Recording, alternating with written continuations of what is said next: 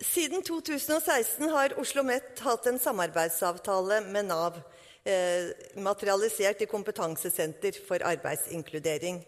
I tillegg til denne avtalen som vi har, så har Nav også en avtale med NTNU, Høgskolen i Innlandet, Universitetet i Oslo ved Juridisk fakultet og fra i år også Universitetet i Agder.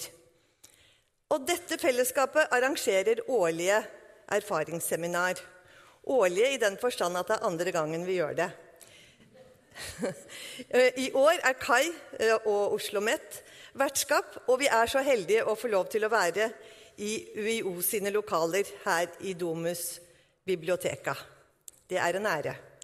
Eh, før vi går videre eller går i gang med programmet, så har jeg den ære av å ønske velkommen til Silje Fekjær, som er prorektor for utdanning. Silje, vi er veldig glad for at du har prioritert oss. Eh, jeg vet og husker at du er jo Mens du var professor og forsker på Senter for profesjonsstudier, så har du drevet intensiv forskning på Nav og tilliggende herligheter. Derfor veldig hyggelig at du vil åpne konferansen. Vær så god.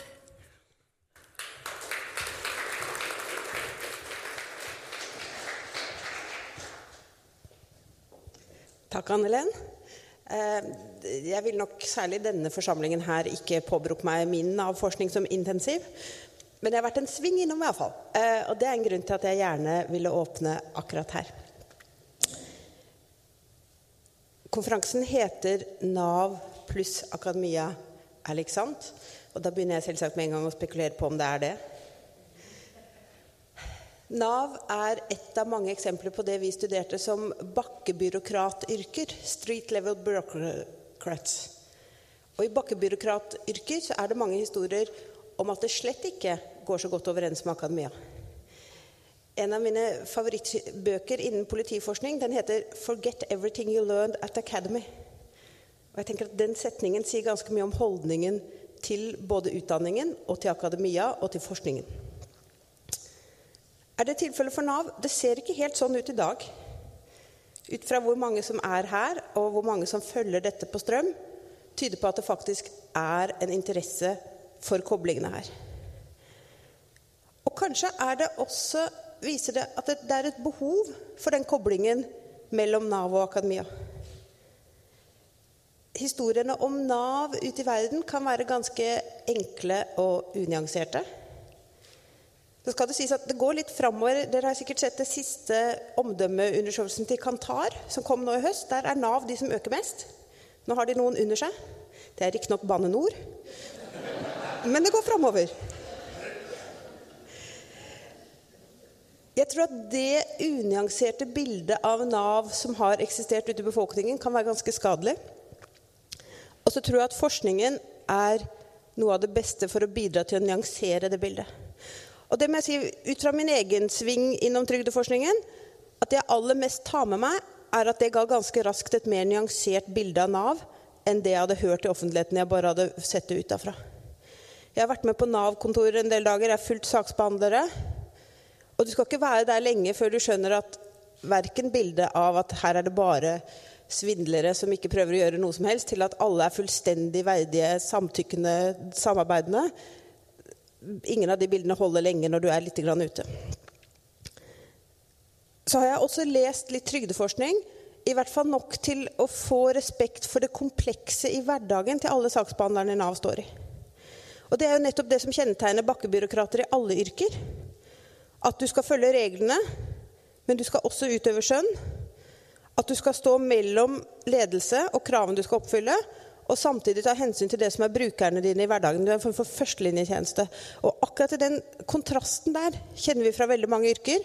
Og jeg tror at forskningen kan bidra til å få fram nettopp kompleksiteten i den type jobber som dette er. Så tror jeg at det jeg sier nå om at dette er nyansert og komplekst, det er ikke noe nyhet for dere som er i dette rommet. Dere kjenner Nav fra forskningen, dere kjenner Nav innenfra. Men det finnes veldig mange som ikke er innsidere, og som kan trenge de mer nyanserte historiene.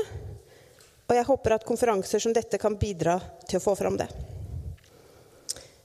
Så jeg fint Jeg har tro på tittelen til konferansen. Eh, jeg har tro på at det at dere er her, viser at det er en interesse og potensial for det. Og så må jeg si rent personlig at jeg også er glad for at dere er her på Oslo OsloMet. Eh, selv om vi da har lånt lokaler i dag som er en anelse mer ærverdige enn våre. skal jeg innrømme. Men, men det er en Oslo OsloMet-konferanse. Og Eh, dere kjenner nok mange av dere Kompetansesenter for arbeidsinkludering, som Anne Len leder. Men i tillegg så har vi også mye forskning på digitalisering på Oslo OsloMet. Vi har et informatikkinstitutt som publiserer like mye som de gjør på NTNU og UiO. Eh, og vi har også ganske mye forskning som handler om hvordan vi skal digitalisere helsevesenet, hvordan vi skal digitalisere i skolen. Eh, så for oss passer det også godt inn i forskningsprofilen og det vi ønsker å bli sterke på å jobbe med framover. Så tusen takk for at dere kom. Og lykke til med å spre den mer nyanserte historien om Nav.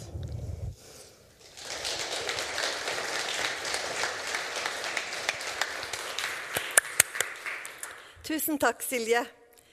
Ja, vi har et stramt program i dag. Det har dere sikkert sett uh, av det annonserte programmet. Og jeg skal prøve å lede dere gjennom på best mulig måte. Uh, vi kommer til å høre innlegg med ulike perspektiver på digitalisering i det vi kaller et samfunnsperspektiv. Og så skal vi avslutte med et lite frampek eh, i form av en liten gruppedebatt. Eh, den aller første som skal holde innledning, det er eh, Heidrun Larsen Reisæter, som er teknologidirektør i Nav. Vær så god, Heidrun. Takk.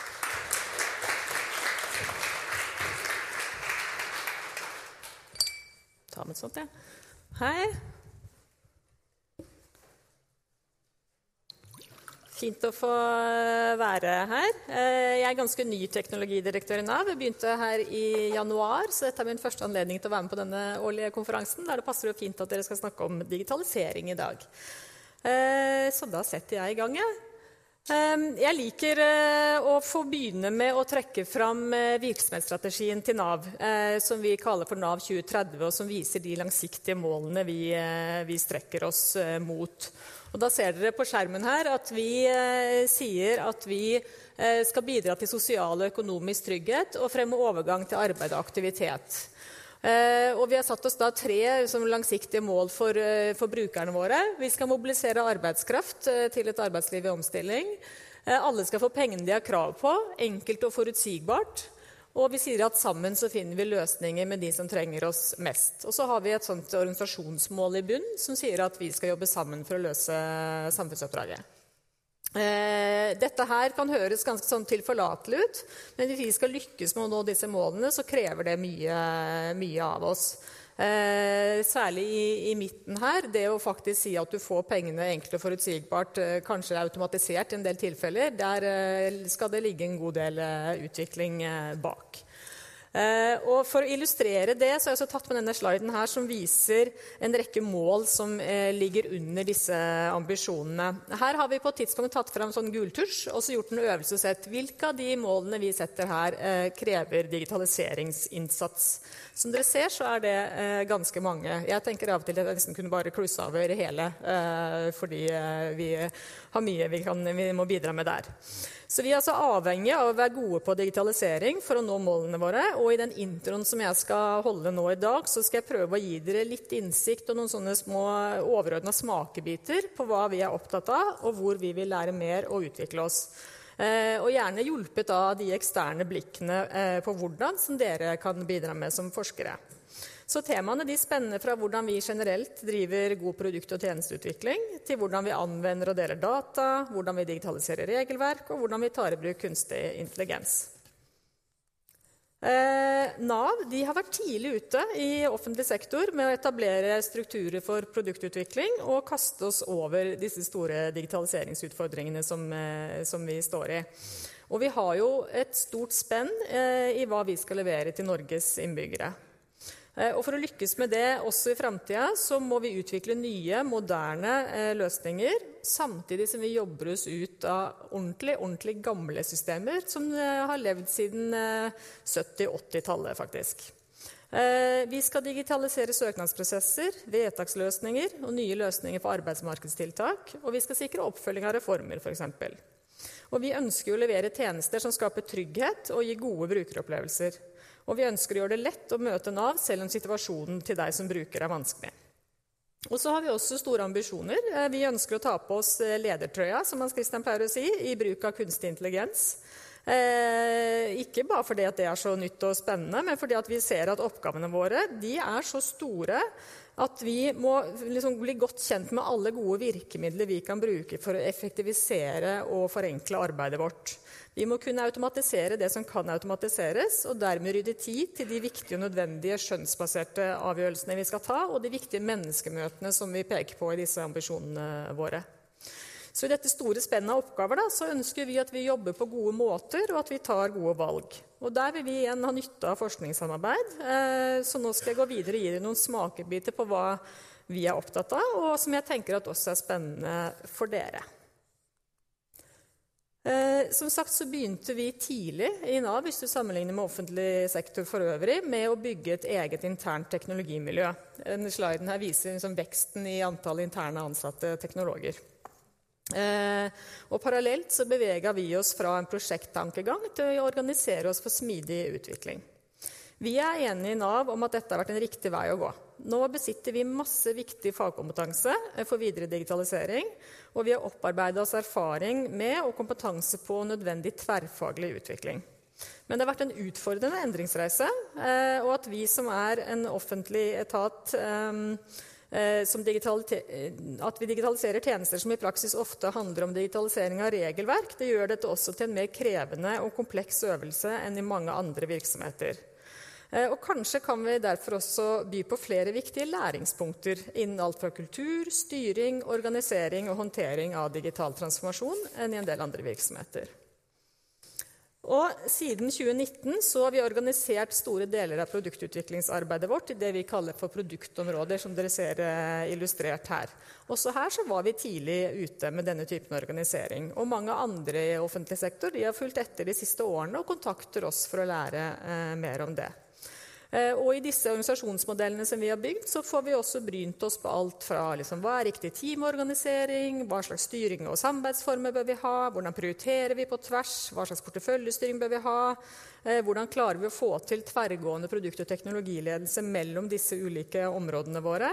Eh, og hvordan jobber man egentlig med storskala implementering av smidig. Det blir mange liksom, nøkkelord her, men det er jo temaer som jeg vet at eh, det pågår en del forskning rundt, og som, eh, som mange er opptatt av innenfor digitaliseringsområdet.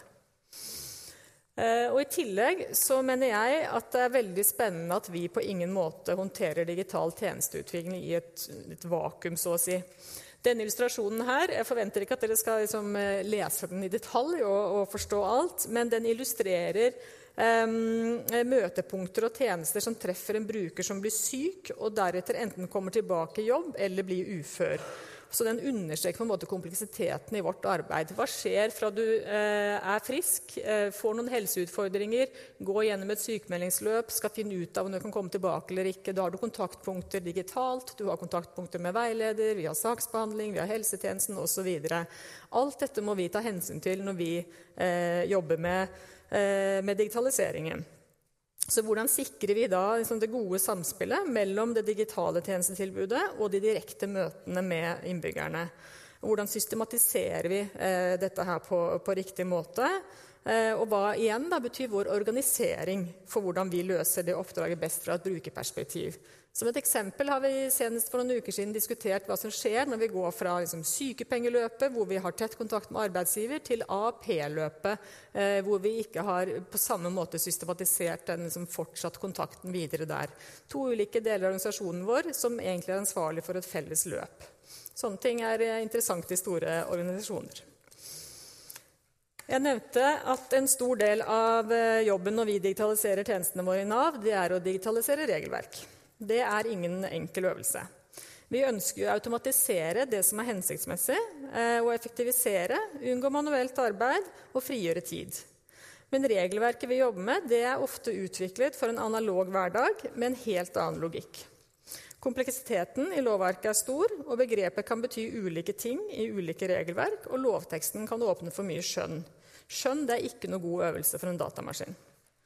Og Folketrygdloven, som jo er det sentrale lovverket i Nav, blant annet, kan i mange sammenhenger framstå som en sånn lappeteppe eh, med mange unntak fra hovedregelen. Og dette gjør det vanskelig for oss å lage enkle og forståelige tjenester til brukerne, og det gjør det vanskelig for oss å automatisere. Så vi ønsker oss jo en eh, såkalt digital lovvask for å slippe å bygge inn unødvendig kompleksitet i løsningene våre. Og vi er opptatt av å forstå eh, best, eh, hvordan vi best kombinerer liksom, vår juridiske og tekniske kompetanse for best mulige løsninger. Finne ut også hvor går grensen for hva som bør automatiseres og ikke, og hvor må vi sikre at menneskelige vurderinger kommer inn. Og så er det et annet tema hvor vi gjerne skulle sett eh, mer forskning, og det er på styring og finansiering av smidig utvikling i offentlig sektor. For hva skjer i det møtet mellom smidig tankesett og arbeidsform og styringsformene som vi har får anbefalt i offentlig sektor? Det er etter hvert et, en etablert sannhet at smidig utvikling er risikoreduserende. Vi vet at vi bør bryte opp store oppgaver i mindre steg, drive hyppige leveranser som sikrer raske tilbakemeldingssløyfer fra bruker, og gi mulighet til justering underveis i større grad enn i store prosjekter hvor man utvikler alt ferdig før lansering. Eh, vi vet at man ofte ikke virkelig kan se hele problemet man skal løse, før man går i gang med tverrfaglig arbeid og faktisk utvikling. Og derfor bør erkjenne at alt ikke kan planlegges på forhånd når vi jobber med teknologi og produktutvikling. Samtidig så møter offentlig sektor forventninger og krav om å fortsette å styre etter en prosjektlogikk når vi driver digitalisering.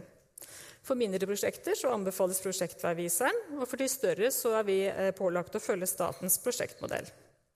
Vi er også avhengig av å søke ekstern tilleggsfinansiering som stimulerer oss til å pakke sammen oppgaver i store, komplekse satsinger, selv om erfaringen fra ikke bare oss, men bransjen har lært oss å foretrekke det motsatte. Så for å lykkes best da, eh, mulig innenfor disse rammene, hvor vi i praksis da kombinerer to ulike logikker, så har vi utviklet våre egne styringsmodeller og former for smidig utvikling innenfor rammene av prosjekt og program. Så vi kombinerer KS-ordningen og prosjekt med løpende utvikling i disse produktområdene som jeg viste dere. Og da har vi utviklet bl.a. vår egen eh, produktutviklingsmodell som du ser over her, for å gi hensiktsmessig retning og styring på arbeidet vårt. Og dette temaet det mener vi er en gullgruve for forskning. For hva er gode styringsformer, og hvordan håndterer vi denne metodeutviklingen som pågår nå? Og hva er alternative modeller for finansiering av offentlig digitalisering? Det fins ingen enkle svar her, og derfor er det desto viktigere at vi får hjelp til å lære å utforske på området. Oppsummert så må vi både i det små når vi skal lykkes med tverrfaglig samarbeid og digital transformasjon i en kompleks organisasjon, og når vi vil diskutere den overordnede styringen og finansieringen av digitalisering i offentlig forvaltning, så må vi hele tiden utfordre oss selv. Og både vi og omgivelsene er i bevegelse, og vi må anstrenge oss for å fortsette å utforske gode løsninger innen kultur, teknologiledelse, brukerinnsikt, styring og mye, eh, mye, mye mer. Og til sist da, så kommer vi vel ikke innom kunstig intelligens eh, her eller noe annet sted eh, for tiden. og det er et tema som også er viktig for oss. Vi ønsker som sagt å ta en lederrolle i offentlig sektor. For vi har både størrelsen, posisjonen og et sterkt tverrfaglig kompetansemiljø som kan bidra til å reise helt sentrale problemstillinger som det er viktig å finne svar på for flere. Selv så ser vi jo at kunstig intelligens kan hjelpe oss å øke både effektiviteten og kvaliteten i arbeidet vårt. Samtidig så kommer teknologien med en masse dilemmaer og risikoer som vi skal være klar over og håndtere på en ansvarlig måte. I Nav så har vi jo gjennom å jobbe med konkrete caser kommet tettere på nyansene i ulike dilemmaer, som eh, f.eks. hvordan vi håndterer rettferdighet, forklarbarhet, tillit og denne type ting. Eh, og flere av områdene som det juridiske og teknologiske miljøet Nav jobber med, det eh, vil jeg si er liksom nybrottsarbeid. Og Problemstillingene som ofte starter som med sånne tekniske spørsmål, de beveger seg veldig raskt inn i verdimessige og politiske spørsmål. Derfor er dette spørsmål som vi ikke kan eller vil svare på alene, og vi ønsker å diskutere dette sammen med både akademia og politikerne. Vi er f.eks. interessert i forskning på menneske-maskin-interaksjon og ulike aspekter av ansvarlig eh, KI, som bl.a. igjen forklarbarhet, hvordan måler vi rettferdighet, hvordan anonymiserer vi osv. I tillegg så er det interessant å snakke om for hva som skal til for å lykkes med å skape faktisk verdi fra KI, da vi ser at det kan være vanskelig å gå fra liksom, de gode ideene og pilotene til reell verdiskaping. Så alt i alt så er dette et område med høy interesse eh, hos oss, og det er vi vel ikke alene om å eh, være interessert i.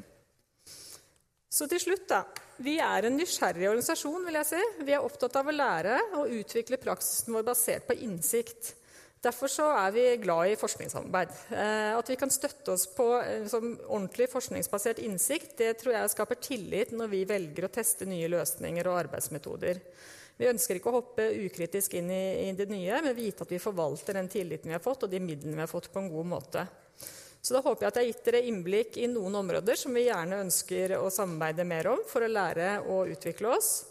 Og hvis dere fatter interesse for noen av temaene, eh, så involver oss gjerne tidlig i idéutviklingen også, sånn at vi kan treffe godt og løse utfordringene som presist eh, sammen. For da tror jeg resultatet blir best. Så det var det jeg ville si nå i starten, og så gleder jeg meg til å lytte til alle andre gjennom dagen. Så takk for meg. Nei.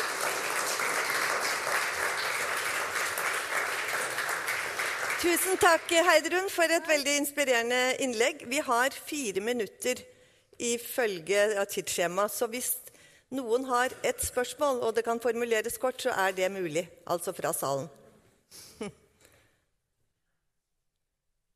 Knut, har, nå har du sjansen. Ja, hva slags KI-prosjekter er det dere har tenkt til å eh, sette i gang med? Eller hva jobber dere med på KI-området nå? Ja, eh ja, jeg har jo lyden. Jeg venter på deg. Nå har vi jobba ganske mye med de siste månedene eh, egentlig med, med liksom internt å eh, finne ut hvordan vi kan forholde oss til generativ kunstig intelligens. Det har vært jobba mye nå med å utvikle en veileder for, eksempel, for hvordan vi kan ta det i bruk, og hvordan vi ikke minst ikke bør ta det i bruk eh, for å eh, sikre oss mot en del eh, ulike fallgrupper. Og ellers så jobber vi eh, ikke med noen sånn veldig konkrete caser som jeg har på tunga nå. Det er nesten så jeg titter liksom bakerst i salen og spør om noen har lyst til å, å hjelpe meg med konkreter. Men, men, vi er litt der at vi trenger å også få liksom kontroll på handlingsrommet vårt. Vi har nok en god del ideer om hva vi kunne ha gjort, hva vi kan bruke. Men vi har en del avklaringer rundt hva vi har mulighet til å bruke av data for å trene modeller. Eksempel, den type ting. Jeg vet ikke om du har lyst til å hjelpe meg, Robindre, sånn på sparket her? Eh, da får du en, eh, en mikrofon.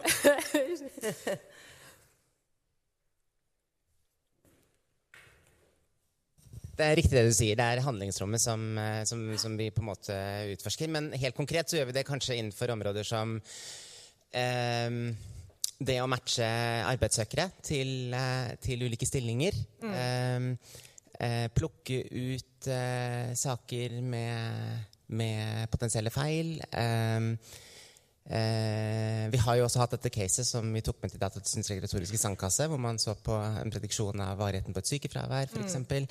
Eh, og så er det sånne ting som å, eh, å bruke, bruke, det for å f.eks.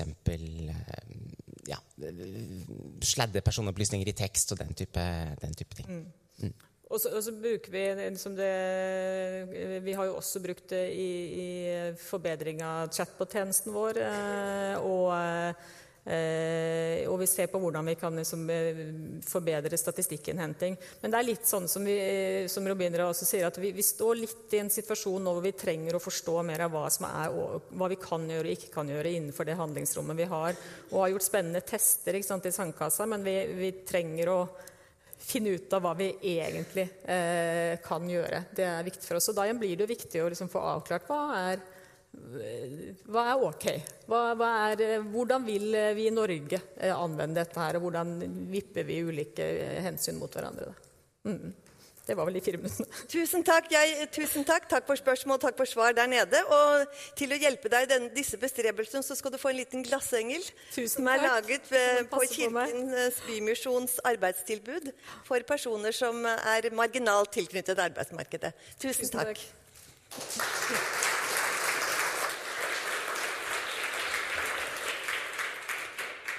Og Da går vi over til det første bidraget fra akademia. og Det er Jon Christian Fløysvik Nordrum, som er førsteamanuensis ved Juridisk fakultet, Universitetet i Oslo.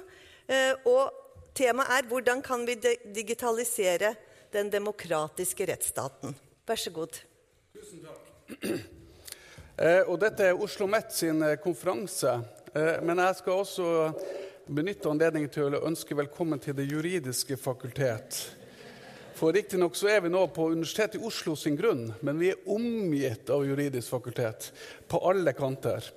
Eh, og mitt kontor er da 37 meter i luftlinje fra her jeg står, så jeg føler meg eh, komfortabel.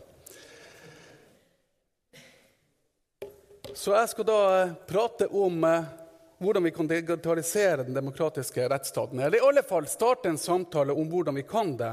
Og hvorfor er dette viktig? Hvorfor er vi her? Så Vi hørte teknologidirektøren i Nav prate om hvilke muligheter som teknologien gir. Og så var det også en del prat om hvilke rammer og hvordan vi ønsker å bruke den teknologien.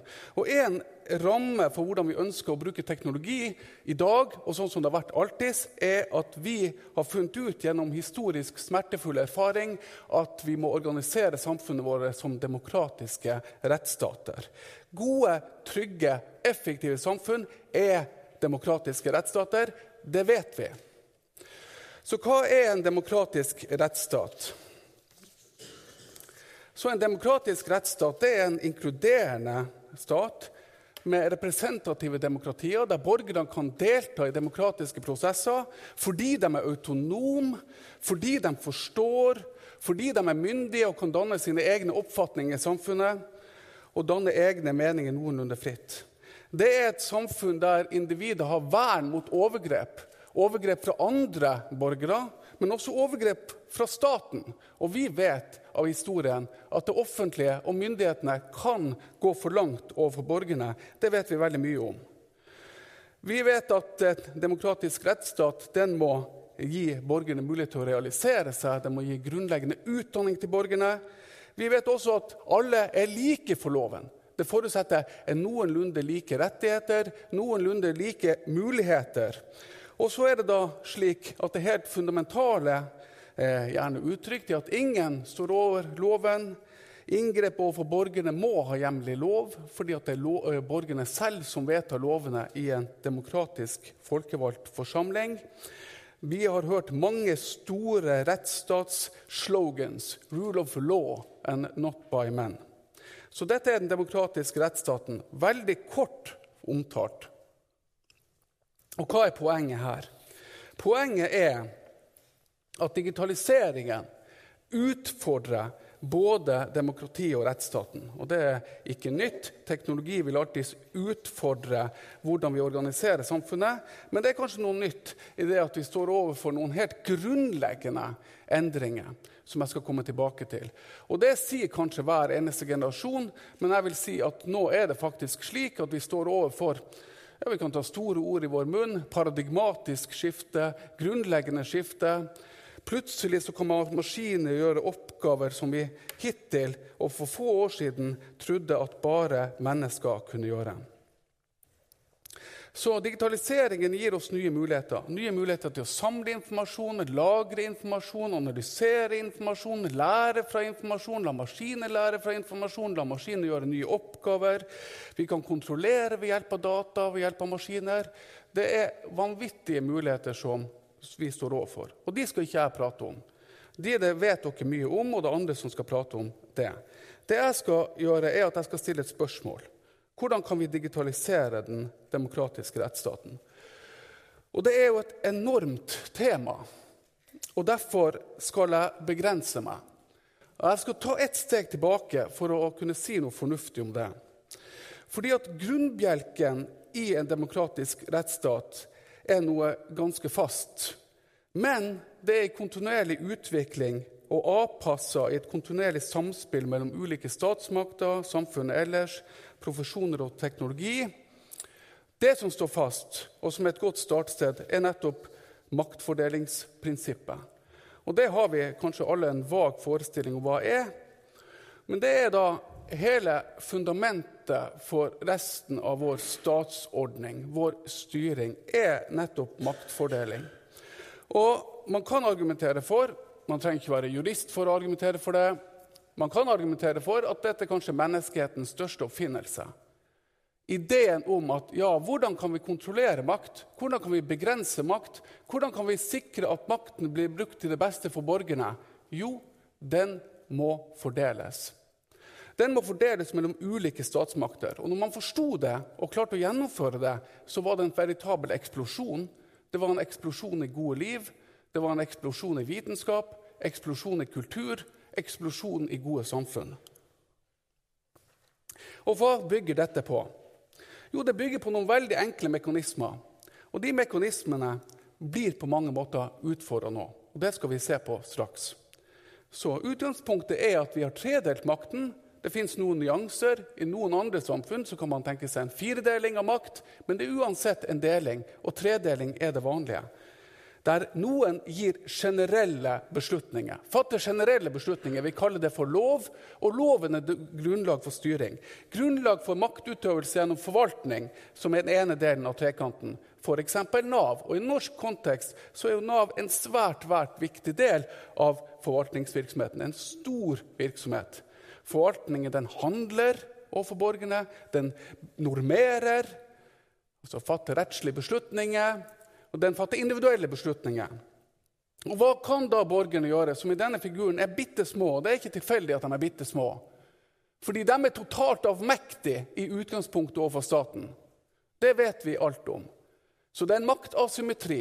Og den trekanten er ikke bare der for å sikre at statsmaktene spiser opp hverandre og går over sine grenser og dominerer og lager totalitære regimer, den er der også for å sikre at forvaltningen, den utøvende statsmakt, som er historiens bad guy i denne historien, forvaltninga at de ikke går for langt overfor borgerne, maktfordelinga sin funksjon overfor borgerne direkte er å kontrollere at forvaltninga ikke går for langt.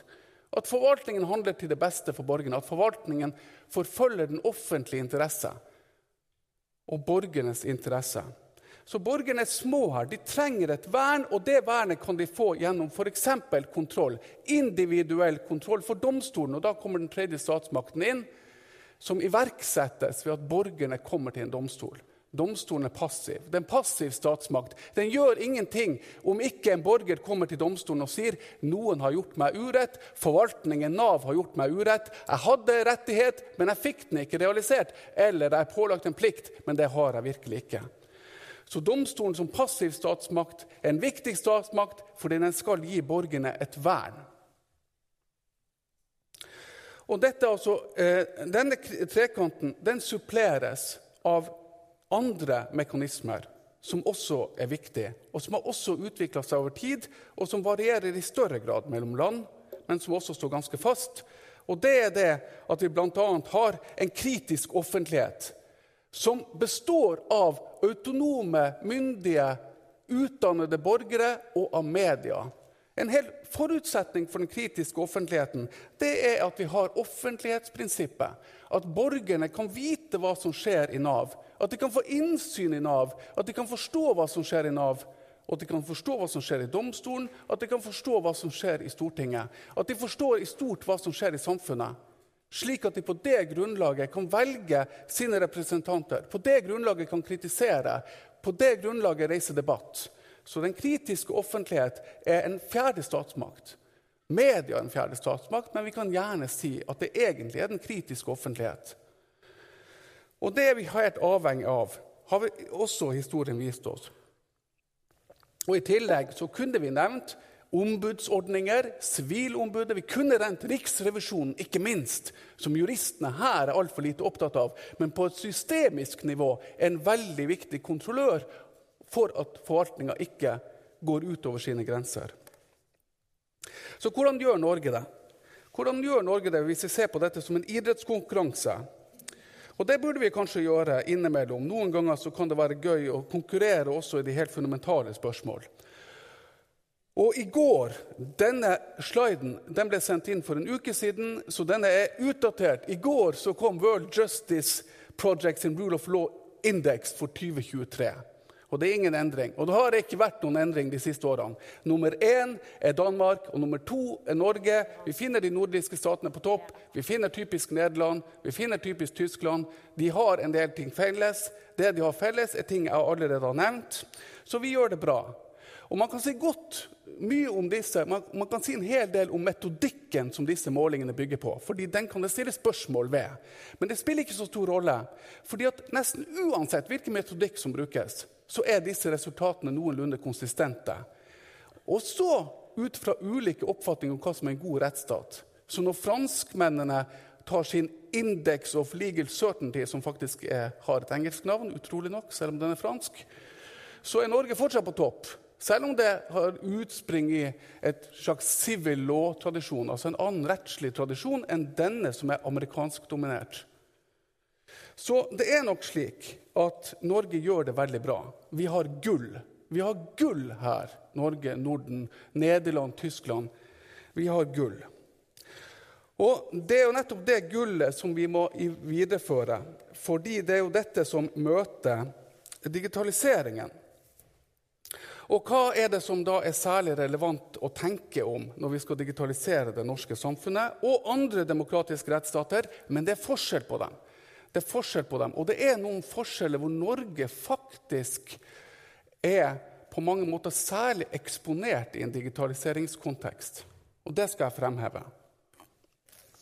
Så i Norge så har vi en datahimmel. Altså vi har enorme mengder data. Det borgerne har gitt det offentlige data i mange mange år, i tillit til at det offentlige forvalter dataene på gode måter. Og det er en gullgruve. Sant? Vi er en registerhimmel. Helseforskning av de skandinaviske landene er enormt fremskredet, også fordi vi har fantastiske helseregistre.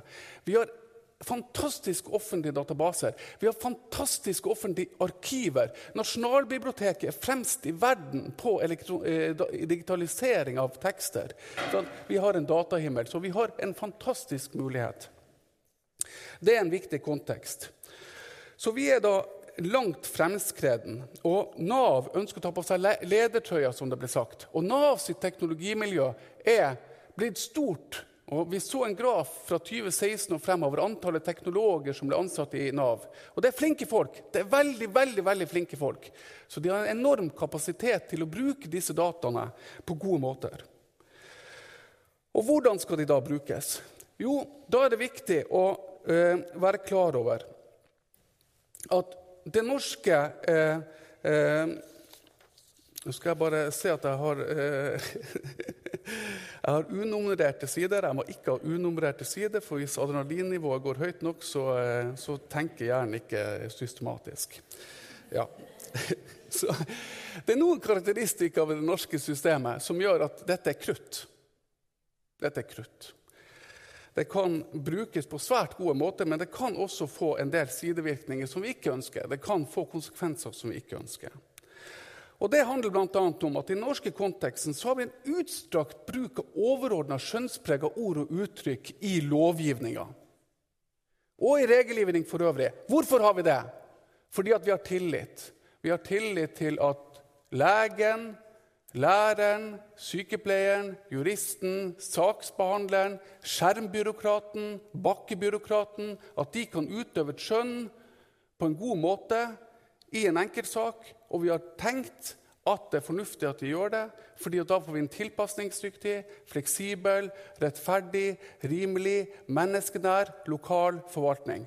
Sånn det ikke er tilfeldig at vi har utvikla det systemet. Det systemet bygger på noen kritiske forutsetninger. Det bygger på noen kritiske forutsetninger, bl.a. at vi har profesjoner som er i stand til å utøve profesjonsskjønn på en forsvarlig måte. At vi har forvaltningsorganer som er i stand til å vedta forskrifter, vedta regelverk på en balansert måte. Og så er det sånn at vi har delegert myndighet til forvaltninga, altså f.eks. Nav, for helsevesenet, politiet, i større grad enn kanskje noen andre demokratiske rettsstater. I alle fall så er det, eh, er det, ikke mange land som har delegert like myndighet som vi har. Så vi har altså ved hjelp av skjønn og overordna rettskrav eller rettslig normering på lovnivået i realiteten gjort at mye makt ligger på et saksbehandlingsnivå gjennom skjønn. Og vi har også delegert mye myndighet til å fatte forskrifter og regelverk på et lavere nivå. Vi har stor tiltro til at forvaltningsorganene forvalter denne makten med omhu. Og så har vi da også høy tillit til offentlige myndigheter, som gjør at vi kanskje ikke har piggene ute. Vi har ikke piggene ute, heldigvis. Med god grunn så langt. Vi har ikke sett stort behov for å beskytte oss mot offentlig forvaltning. Og så er det slik at Forvaltningen av Norge konsentreres i store enheter. Nav er en enorm enhet. Nav sier selv at de er den største velferdsenheten men i, i, i, i en internasjonal sammenheng. Fordi at man har samla så mange ulike områder innenfor én og samme forvaltningsorganisasjon.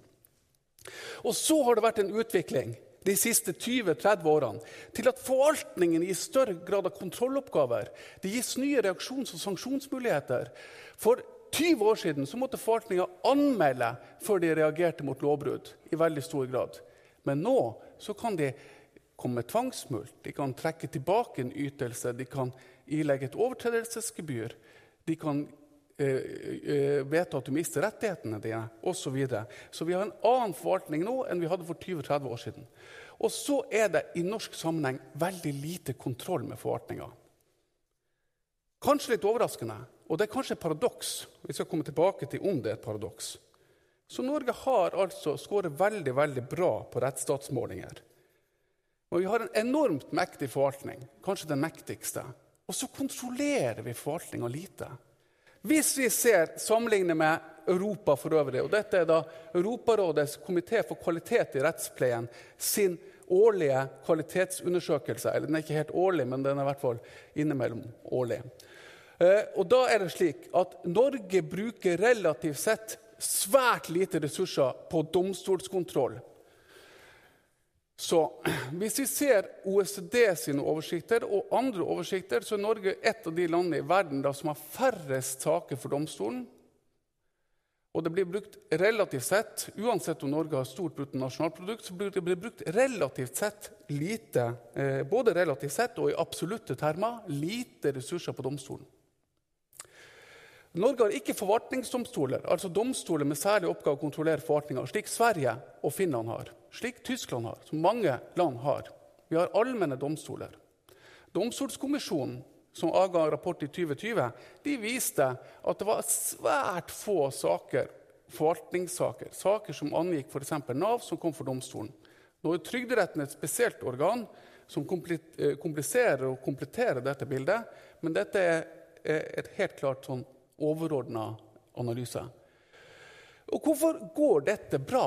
Hvorfor har dette gått bra så langt? Og Det har jo gått bra for at forvaltninga oppfører seg på et vis.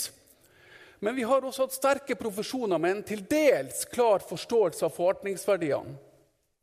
Sånn, vi har hatt sterke profesjoner som har vært portvoktere for enkelte verdier. Og så har vi hatt en relativt stor åpenhet rundt forvaltninga. Og Vi har hatt offentlighetsprinsippet og offentleglova, så det har vært mulig å kritisere i offentligheten ting som domstolen ikke har fått opp og prøvd. Og så har vi også hatt sterke partsrettigheter, eller sterke rettigheter i forvaltningsloven og annet regelverk, som har gjort at partene, f.eks.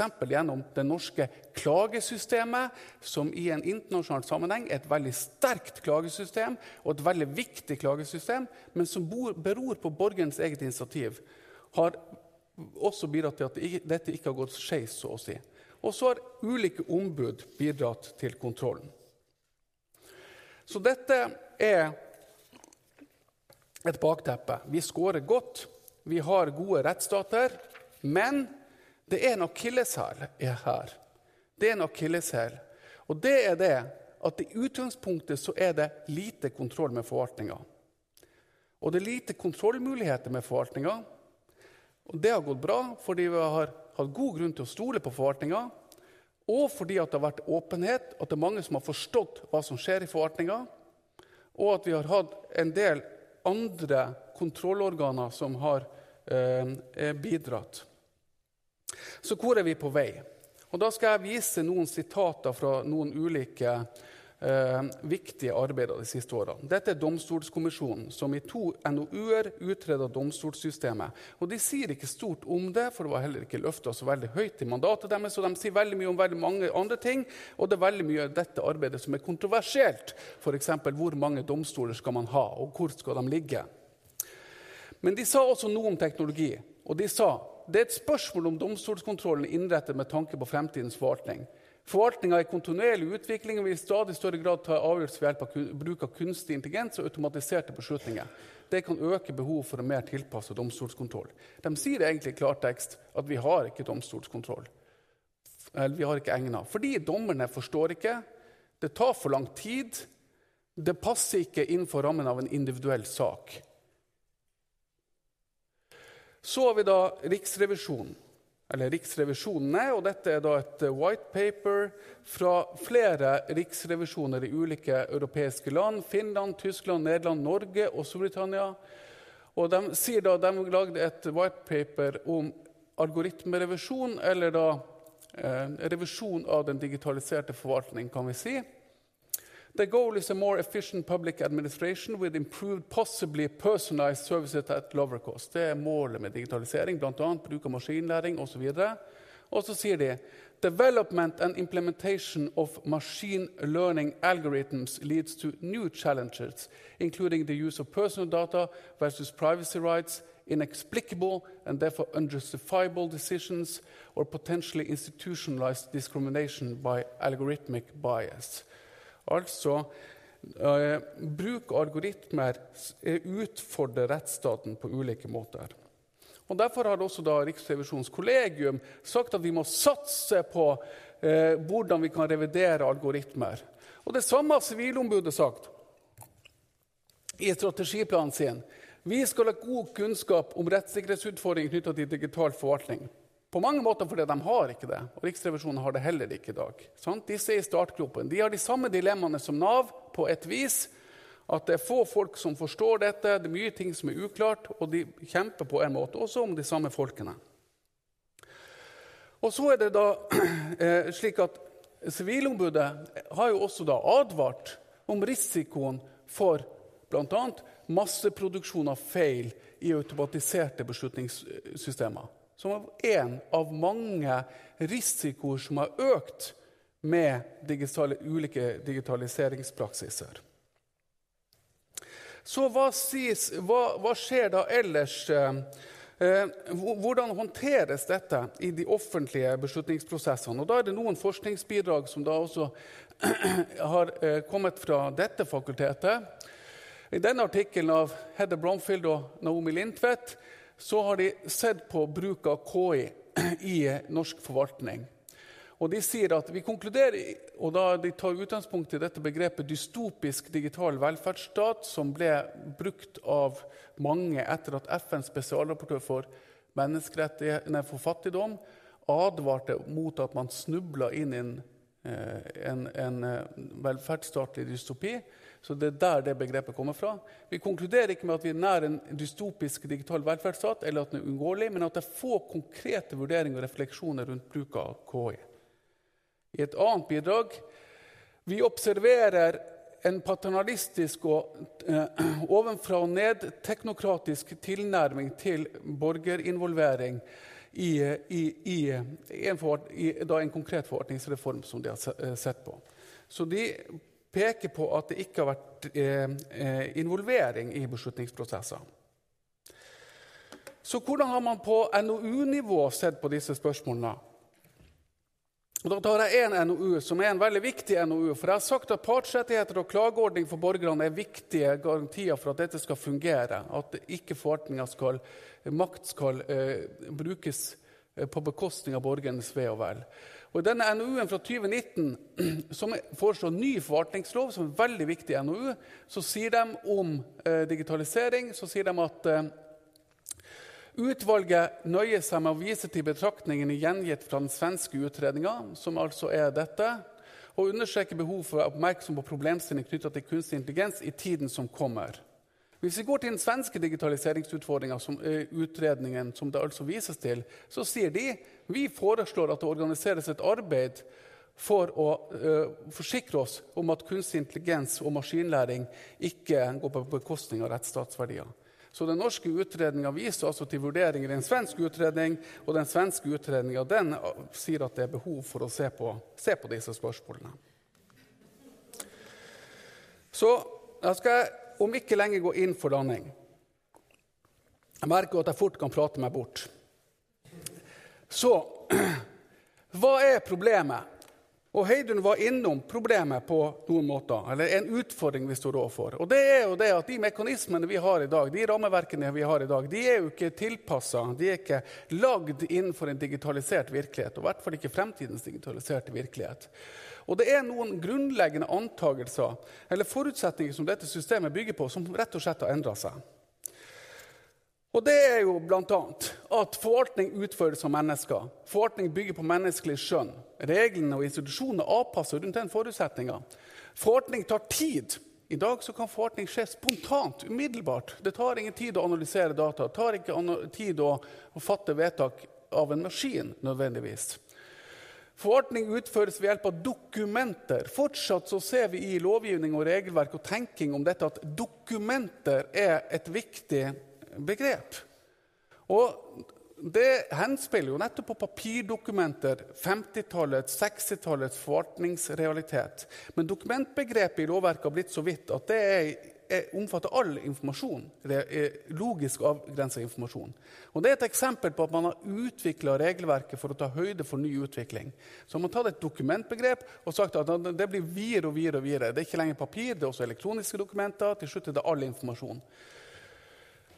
Forvaltning er knytta til et sted, et kontor. Forvaltning gjennomføres på norsk skriftspråk.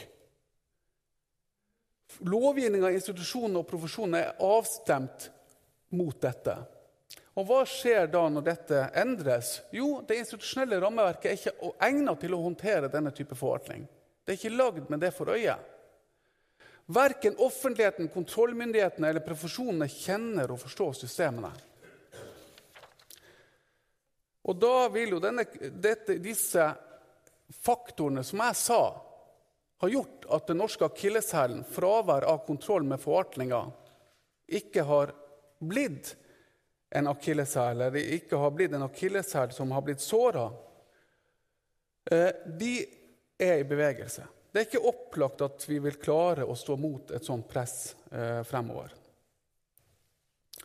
Så I en artikkel i eh, Tidsskrift for velferdsforskning så skriver jeg og professor Ingunn Ikdal, som er prosjektleder som meg for digital velferdsstat, om hva, skal, hva, vi nå må begynne å tenke på. Og Da er det noen sentrale spørsmål vi har formulert der. Hvordan kan vi sikre at systemer som bruker kunstig intelligens, ikke gjør uforholdsmessig inngrep i borgernes autonomi og grunnleggende rettigheter? Hvordan kan vi føre en fortløpende kontroll med systemene? Og Hvordan kan vi sikre at systemer som bruker kunstig intelligens, bygger på et forsvarlig demokratisk grunnlag? Og hvordan ivaretar vi behov for demokratisk kontroll? Når knapt fagdepartementene forstår hva som foregår i forvaltninga, og i hvert fall ikke Stortinget. Og stortingsrepresentantenes tilnærming til dette er selvfølgelig eh, prega kanskje av berøringsangst eller manglende kunnskap. Og hvem kan bebreide dem? Profesjonene har jo heller ikke kunnskap. Forvaltningsorganene har jo heller ikke kunnskap. Det er veldig få som sitter med reell innsikt og kunnskap i hvordan de systemene fungerer. Og den kunnskapen må spres. Så Mine eh, tanker om veien videre det må legges et grunnlag for overordna demokratiske avklaringer. I dag så ser spesifiseringer, presiseringer, avklaringer for lavt i hierarkiet. På et uklart mandat og med uklare forutsetninger for å presisere. Lovgivningen må oppdateres. Det er ikke tvil om det. Forvaltningslovutvalget og det forslaget de gjorde ikke jobben sin. Vi må oppdatere, vi må utvikle lovgivninga i møte med den nye virkeligheten. Kontrollinstitusjonene, domstolene, ombudene, Riksrevisjonen de må tilpasses den nye forvaltningsvirkeligheten. De må gjøres i stand til å føre reell kontroll. Det må lages betryggende prosedyrer for avklaring av juridiske spørsmål i digitaliseringsprosessene. Juristene halser etter, blir det sagt. Teknologene etterspør frenetisk avklaring. Ikke sant? Vi har ikke prosedyrer for å avklare sammen. Og vi har ikke et mandat til å avklare.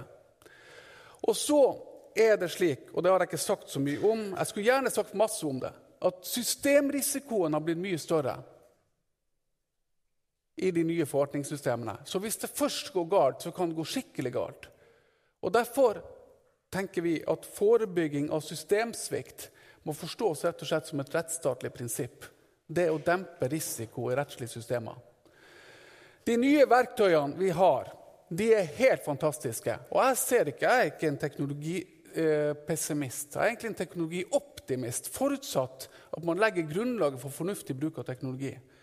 Og kan, Disse verktøyene kan også brukes for å fremme andre forvaltningsstyrer enn effektivitet. Som rettssikkerhet, demokrati, autonomi.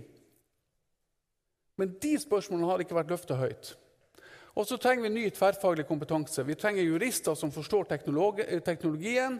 Og så er det også sånn at teknologene har blitt samfunnsbyggere. De har blitt samfunnsbyggere. Og da må de forstå grunnleggende forvaltningsverdier og det juridiske rammeverket. Så det er altså slik at for å komme dit For å komme dit så er det viktig at Nav og andre myndigheter ikke lar seg forføre av teknologien, men tar med seg rettsstaten og demokrati på stevnemøtene med teknologien. For det er faktisk slik at demokratiet og rettsstaten ikke trenger å svekkes og svikes med teknologien. Teknologien kan også brukes til å revitalisere rettsstat og demokrati. Takk.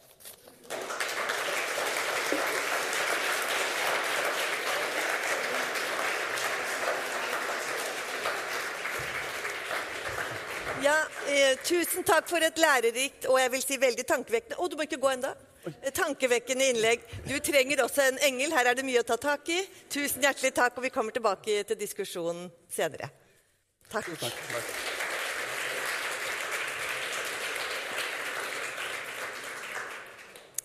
Eh, og neste eh, innlegg Jeg tror eh, ikke til forkleinelse for noen av de andre innlederne, men jeg tror at grunnen til at vi har fått 400 påmeldte til denne konferansen bl.a. skyldes denne veldig kule tittelen som skal, jeg skal lese opp nå, og som vi skal høre om.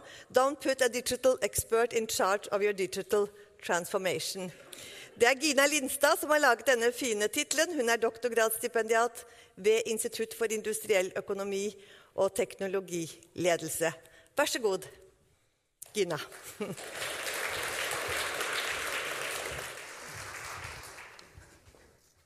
Uh, hei. Ja. Eh, det er fint at du starter med å si at alle var her for meg. Det var ikke press i det hele tatt. Eh, jeg er også stipendiat, så vi kan godt liksom ta terskelen ned igjen til det. da. Det hadde vært fint. Nei, mye av uh, min utdannelse har hele tiden blitt fortalt at du må huske på at du som jobber tverrfaglig, som jeg gjør, da, mellom teknologi og organisasjon og organisasjonsledelse, at Eh, det å være ekspert på det digitale og det å være ekspert på digital endring, eh, det er to forskjellige ting. Og eh, altså teknologiinnføring, digital transformasjon Kan bruke mange forskjellige begreper. Men ofte så innebærer det jo en påfølgende organisasjonsendring. Og det er veldig stor forskjell på det å være god på teknologi og tekniske systemer og få til eh, å starte en fantastisk eh, teknisk bedrift eller ha en god teknisk idé, eh, og det å faktisk få til å gjennomføre den. Og da spesielt i en stor, etablert organisasjon som allerede har masse eh, tradisjoner og rutiner og kultur, arbeidsmetodikk, struktur, eh, som Nav har. Eh, så det skal jeg snakke litt om. Eh, men jeg tenkte å begynne å si litt om hva mitt felt For dette er på en måte min lille vinkling som svarer på det spørsmålet. Da. Man kunne sikkert hatt en hel dag og bare hatt det som tematikk. Eh, men jeg jobber da med teknologi og organisasjon, og spesifikt organisasjonslæring.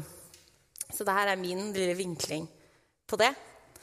Og for å ta dere med inn på den reisen, så til en liten sånn, uh, teorigjennomgang for at teknologene skal forstå organisasjonslæringsdelen, og så kan organisasjonslæringsfolkene uh, de kan skjønne teknologidelen.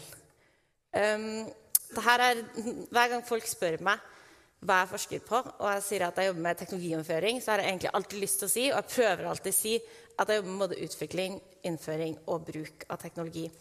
Og det er fordi det er vanskelig å dele mellom de alle de prosessene. Desto mer nå, når, eh, sånn som i Nav, da, man jobber mer og mer smidig. Og man jobber med liksom kontinuerlige iterasjoner. Og man har altså Det er ikke sånn at ok, vi jobber med å utvikle det, så lanserer vi det, og så lever det, brukes det og lever. Der istedenfor så er det litt sånn ok, men hva er egentlig utviklingsfasen? Når, når innfører vi? Og eh, når bruker vi oss? Eller når man bruker, så er man jo egentlig sånn Ja, men vi vil gjerne få tilbakemeldinger og gjøre det enda bedre hvis det er noen ting man kan forbedre. Um, så er, for min del så er det en veldig viktig del av det. At man husker å se på eh, hele prosessen. Eh, og ikke eh, ja, prøve å begrense seg. Det har vært et mål for meg da, vi, i min forskning at jeg får med meg hele den delen. Og det er derfor jeg har samarbeidet både med utviklingsteam på IT-siden og med eh, folk ute i Nav-kontorene. Og eh, Nav Trøndelag spesielt, da, siden jeg kommer fra NTNU. Eh, ja. Det andre elementet um, er organisasjonslæring. Og uh, det er et begrep som jeg aldri sier høyt når jeg er ute blant folk. Fordi man blir uh, Man har veldig mange ulike tanker om hva det betyr. For alle vet, alle har lært noen ting en gang. Vi har gått på skole og lært, så vi vet hva læring er. Og så vet vi hva en organisasjon er. Men en veldig enkel måte å forstå organisasjonslæring på er at hvis vi lærer bort noe til de som jobber i en organisasjon, og de får noen nye tanker og noen nye syn Og hvis de da, eh, ved å gjøre noe med de nye tankene og synene og tingene de har lært, Forbedre organisasjonen Organisasjonsprosesser, eh, kanskje resultater på sikt eh, Da har man oppnådd eh, organisasjonslæring. Da. Veldig én måte å se på det som kan være litt enklere. Um, og det betyr jo også at hvis vi plutselig har noen som er eh, slutter eller er sykemeldte, eller um, ja, eh, vi bytter ut personalet, eller de skal begynne i en annen avdeling, for den saks skyld, så beholder vi fortsatt kunnskapen innad i organisasjonen. Og det er jo eh, veldig viktig hvis man skal ha kontinuerlig eh, drift og utvikling. Eh, og man kan eh, dele inn i tre hovedprosesser. Dette er én måte å se på det. finnes veldig mange forskjellige. Dette er min favoritt fordi det er veldig enkelt. Så man kan lære seg nye ting. Altså at eh, jeg går ut og finner ut av noen ting. Og for, ja, det her tror jeg er den beste måten å gjøre det på ut fra når jeg har testet litt forskjellig. lært meg liksom, ja, den her tror man burde gjøre det på den måten. Så vi må gjerne lagre det man har lært. Og det gjør vi ofte ved at vi innarbeider rutiner. Da har man eh, funnet en måte å lagre kunnskap på. Eller at man eh, skriver en oppskrift på Navet. Sånn, sånn, her melder du per, eh, bruker inn på et tiltak. Du går inn i Modia, så gjør du sånn og sånn og sånn. sånn. Da har du også lagret kunnskapen. Eller det siste punktet, eh, som handler om å på en måte dele og motta kunnskap fra andre og dele erfaringer. Og det er veldig fint å kunne lære av andre. Det hadde jo effektivisert prosessen veldig hvis vi ikke trengte å eh, lære alt på nytt selv. Hvis vi kunne lære av andre òg. Og den havner ofte litt i sånn eh, motposisjon eh, til det at man strukturer Altså organisasjoner, vi deler de opp i en struktur basert på spesialisering. Vi har, eh, har du, liksom, du har arbeids- og tjenestelinja, du har IT-linja, du har jurister. Sant? Man er spesialist på sist felt. Og det er veldig viktig å ha den dybdespesialiseringen. Og så vil vi samtidig få til den derre eh, læringsprosessen på tvers. Og det er, det er jo det vanskelige, da. Um, dette er eh, Nav sitt eget eh, modell. Dette er alle IT-systemene for noen år siden og hvordan de snakker sammen. Eh, jeg brukte egentlig bare for å la meg inspirere. sånn at det her, det her er systemer, ikke mennesker. Dette er mennesker. Dette har jeg prøvd å tegne. Jeg har begynt, Kanskje når jeg er ferdig med doktorgraden min, så har jeg lagd et for liksom alle kontorene og alle, alle jeg har møtt. Og så kan det bare være et sånt eh, Kanskje det bare er et svart bilde. Med alle kommunikasjonslinjene. Men eh, jeg har hentet ut noen av de eh, teamene og eh, delene av Nav som er samarbeidet med, og sett på eh, de sine læringspartnere, da, som de vil lære av å kommunisere med og kunne dra nytte av den kunnskapen de har. Så eh, de to hoveddelene, to tingene som jeg spesielt har sett på, er eh, Jeg har fulgt et, eh, noen team i Nav IT, i PO arbeidsoppfølging. Eh, og da kan du se for deg at de her, Jeg har ikke satt navn på dem, men eh, eh, denne er valp. Og da har, du, har jeg tegnet inn alle de kommunikasjonslinjene, læringslinjene de har hatt i sitt eh, utviklingsarbeid. Og nå holder de på med ja, hvis vi skal si det, da. De holder, har vel kommet til innføringsfasen nå. Og delvis til bruksfasen. Vi kan spørre de hvor de ville plassert seg på den linja. Men sant, innsatsarbeidet Man uh, ja, snakker med ATA for å få liksom litt sånn Ok, men hvordan fungerer egentlig den prosessen man skal se på? Uh, får innsikt, forhåpentligvis hjelp til å sette opp en Eh, type prosessoversikt, kanskje. Har noen møter der. Man snakker med Kanskje man gjør noen intervjuer av eh, brukere, altså veiledere, da, ute på kontorene. Så får noen noen læringslinjer. Sånn, kan jeg si læringslinjer? Er det et nytt begrep? Ikke, ikke bruk det igjen, vær så snill. Eh, men ja, læringslinjer ut til kontorene, da. Eh, hvor man sant, lærer av de på veilederne. Hvordan er det de jobber? Ok, Hvordan må vi lage systemet for å kanskje tilpasse det? Så er det ulike veiledere på ulike kontorer, ulike steder. Sant? Så mange forskjellige tråder som trekkes da. Og så har man eh, kanskje etter hvert så skal man kanskje kjøre en pilotering eller noe sånt. Og etter hvert innføring, da må du ha en innføringskoordinator. Alle fylkene har en. De har et eget nettverk. Det kunne også vært liksom en egen, egne linjer mellom alle de. Um, så skal de også liksom lære å koordinere, de må samarbeide med de andre teamene i IT. Eh, både innad i PO-et. Eh, så skal de også ut av Arena, som ble nevnt tidligere. altså Man skal ut av de gamle systemene. Da må man også samarbeide med de som kan de gamle systemene. Så man må lære hvordan de gamle systemene fungerer for å få til det nye. Eh, så det er masse læringsprosesser som foregår. jeg har tatt med brukerstøtte, for jeg har forsket litt på de. For de er jo liksom daglig i kontakt med alle kontorene og lærer jo mye om på en måte feil som er rundt omkring i hele Norge, og ting man sliter med på ulike steder. Og så skal de også da snakke eh, gjennom systemer og delingsmøter og sånn. Så snakker de tilbake igjen til, til IT-team, f.eks. Og de holder seg oppdatert på det som skjer. Og det er mange sånne eh, ja, læringslinjer, strukturer for læring, da, som er hele tiden i Nav.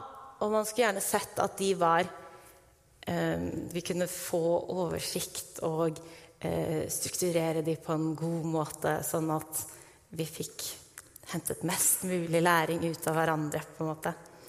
Eh,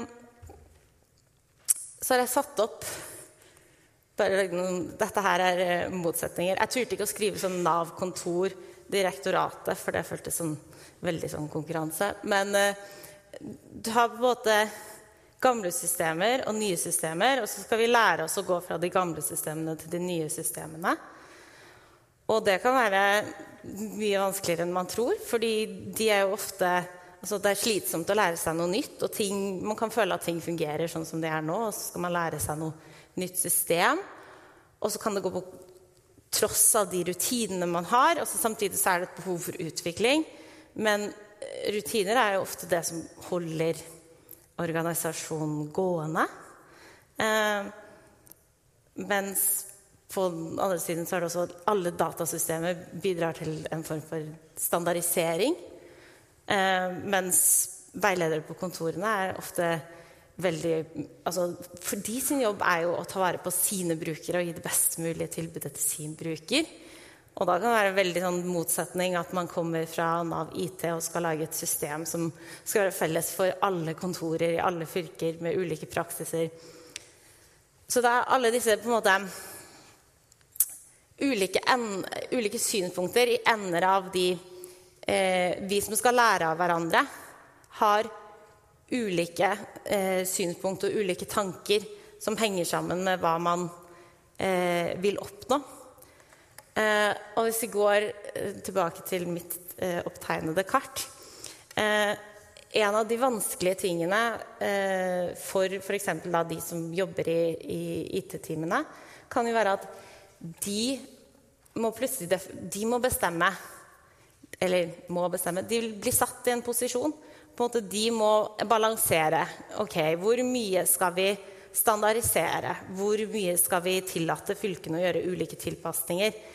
Eh, og de eh, ender opp med at de må vurdere ok, hvor mye skal vi høre på det vi har lært av de, og hvor mye skal vi høre på det vi har lært fra de.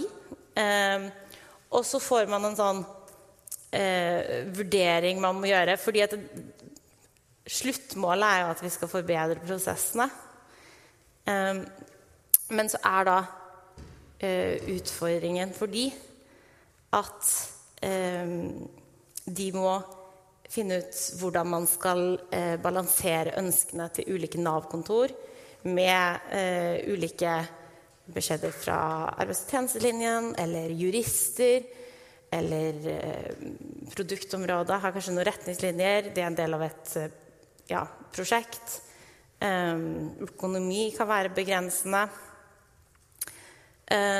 Så de havner i den posisjonen hvor de kanskje må gjøre vurderinger som ikke er de sitt ekspertise. For de er jo eh, utviklet De kan systemer, og de er dritgode på å eh, programmere og, og, og, utvikle systemene.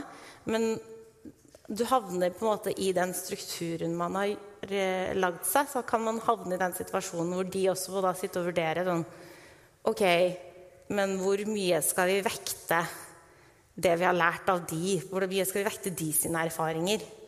Um, og det kan være en veldig vanskelig situasjon å være i. Og da havner man litt tilbake til der jeg startet med tittelen, at um, de Hvis man jobber i et utviklingsteam, så er man ekspert på digitale systemer. Og man er dritgod på å forstå hvordan det funker. Men da har man ikke nødvendigvis den tryggheten og eh, bredde, breddebildet til å forstå endringsbildet og kunne dermed også gjøre de eh, vurderingene i hvordan man, man bør veie, veie, opp i det som skal bli sluttproduktet. Um, så det var mitt syn på det, det spørsmålet. Uh, så har jeg snakket altfor fort. Det visste jeg godt å gjøre. Men da kan dere diskutere masse. Det er bare en fordel, og det, du ga et veldig godt svar, syns jeg, på denne påstanden som var i tittelen. Applaus.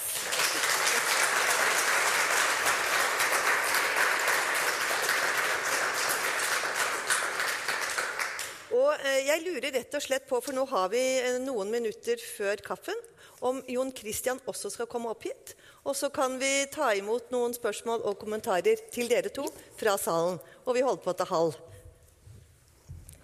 Så da er ordet fritt, og mikrofoner går du rundt med, Bjørn Are.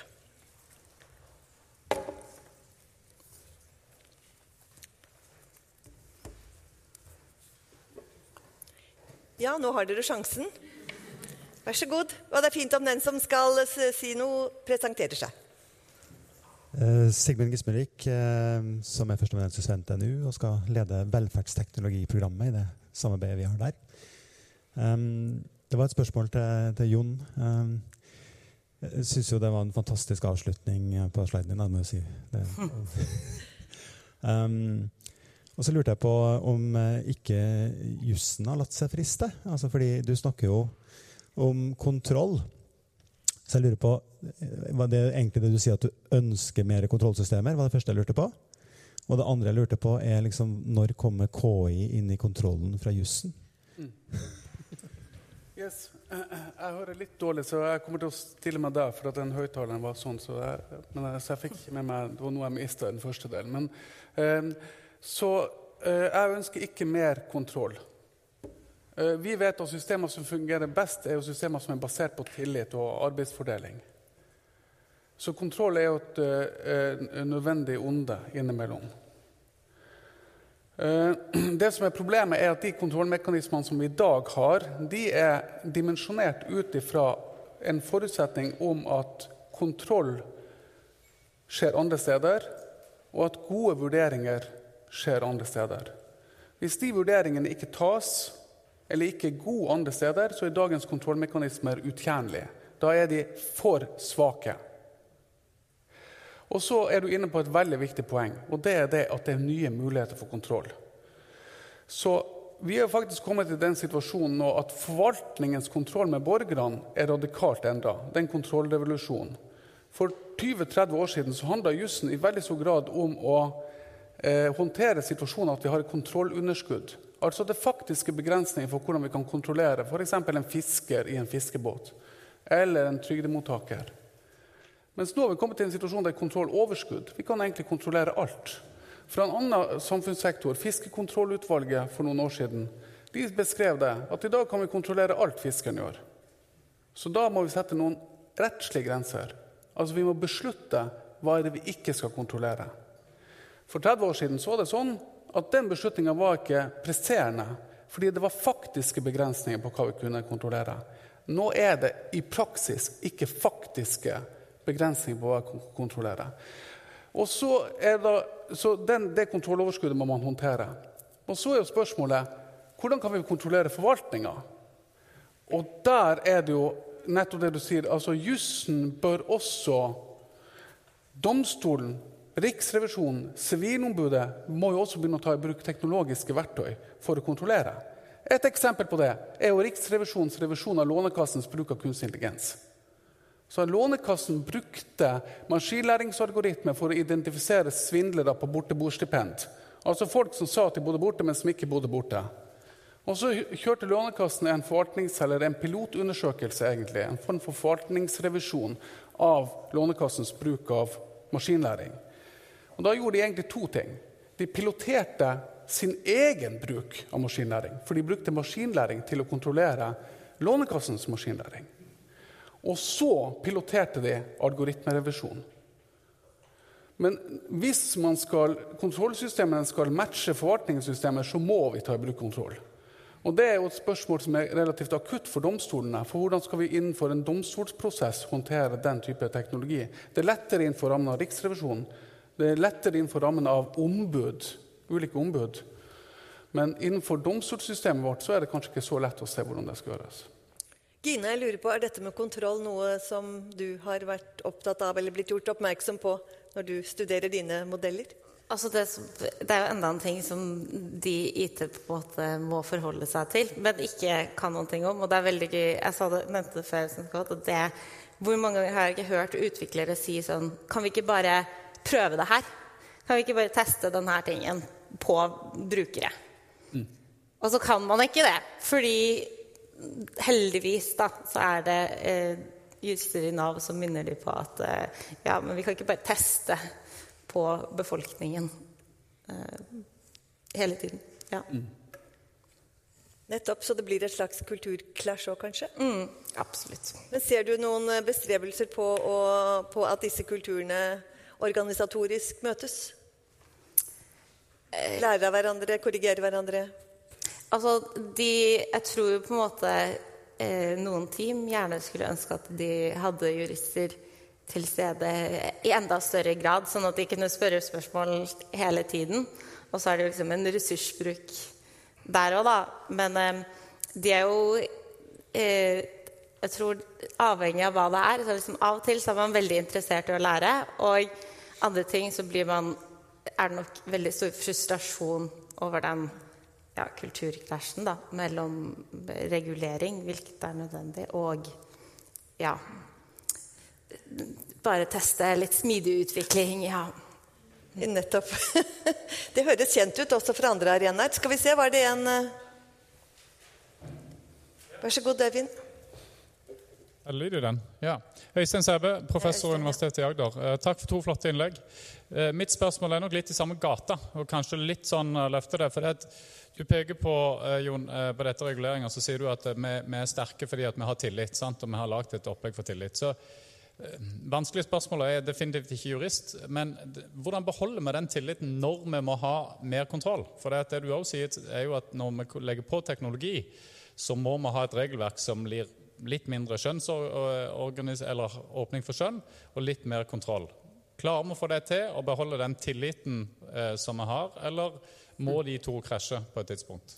Begge får svare, og ikke altfor langt. Jeg tror det er veldig viktig med åpenhet, og at man også er åpenhet om tvil og usikkerhet. Eh, det tror jeg er en veldig viktig faktor. Fordi at eh, altså eh, jeg skal nøye meg med det. Ja, takk. Gina, vil du si noe til dette? For Nav sin del så det å ha åpenhet rundt de systemene de bruker Og det er veldig fint at man er veldig tydelig på at man gjør den avklaringen med hvordan man skal bruke AI i Nav, da, f.eks. Det viser jo en ja, åpenhet, og at folk kan forstå hva er det systemene faktisk gjør. Tusen takk, Gina, for flott innlegg, og lykke til med avhandlingsarbeidet. Og tusen takk. Og da er det kaffepause i fram til 11.00. Er det ikke det, Bjørn Are? Sier ikke noe galt nå? Flott. Kaffe. Og, og, men hvordan sørger vi for at folk er inne her igjen? Er det noen klokke eller noe slikt? Vi snakket om det? En bjelle. En bjelle, ja. Noen ringer med en bjelle, og da er det bare å innfinne seg.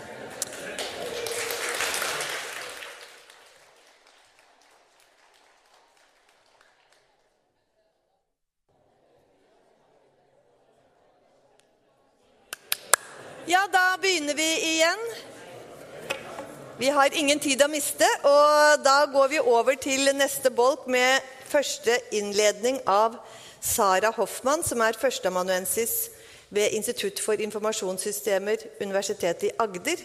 Hun leder også den avtalen som er inngått mellom Nav og Universitetet i Agder, som jo er den siste i rekken av disse avtalene. Og det hun skal snakke om i dag, det er hvilke offentlige tjenester bør digitaliseres, og hvordan. Vær så god, Sara.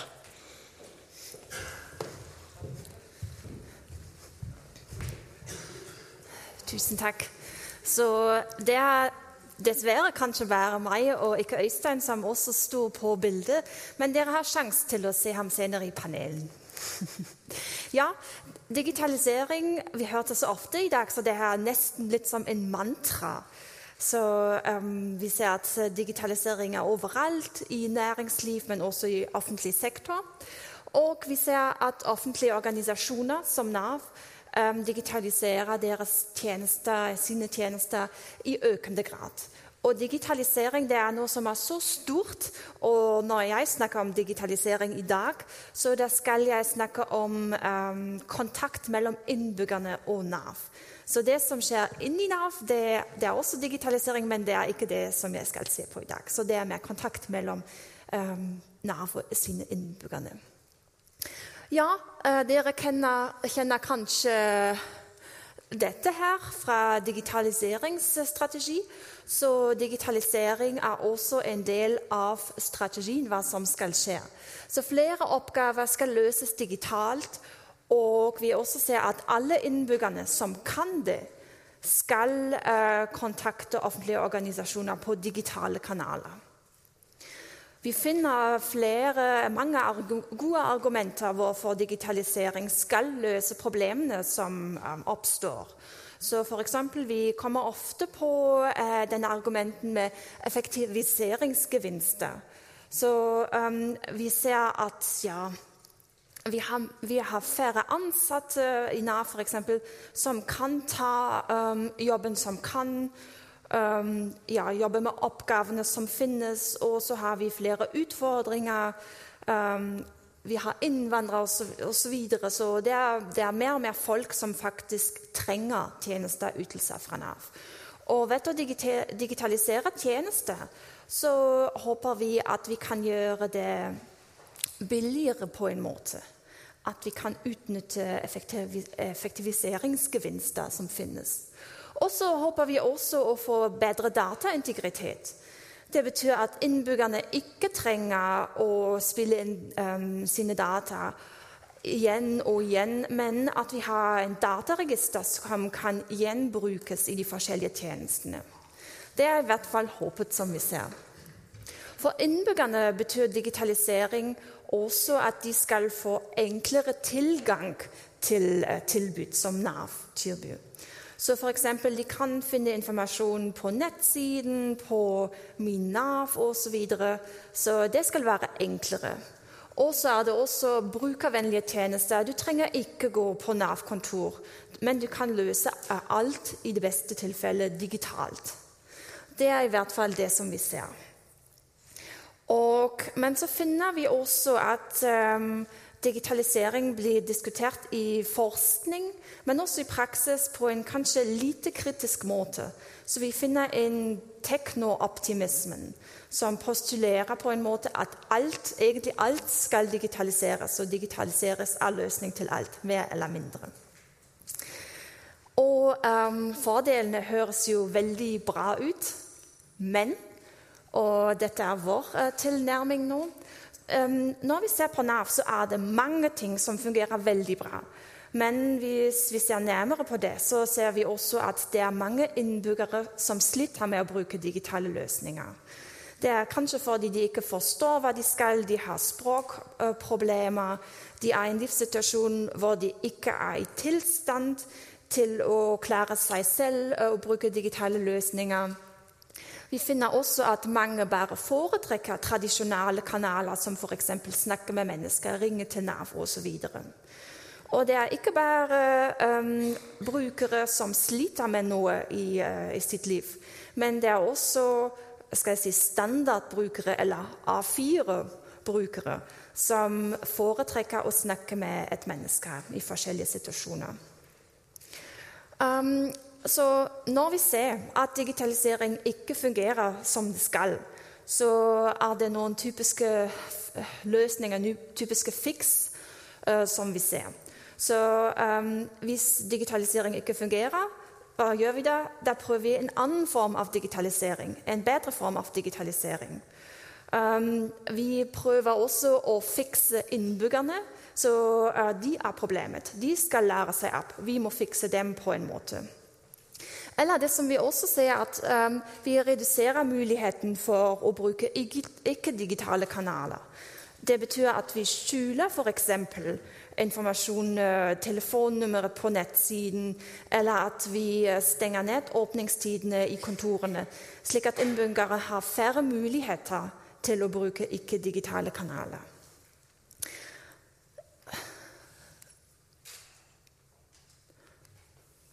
Og Um, det, det, høres kanskje ut som om jeg som graver min egen grav som uh, informasjonssystemspesialist. Det var ikke mening. Så det er ikke mening å si ikke må digitalisering. Men uh, ideen rundt dette er heller hvis vi gjør det, så skal vi gjøre det riktig. Og det er det som vi prøver i, i dette prosjektet, som jeg vil gjerne presentere for dere. Så um, Når vi ser på litteraturen, men også på praksis, så finnes det flere utfordringer rundt um, digitale tjenester, rundt tjenester generelt. Um, så F.eks. finner vi ofte argumentet at um, offentlige tjenester skal digitaliseres. Og så finnes det studier som sier at det fungerer så veldig bra.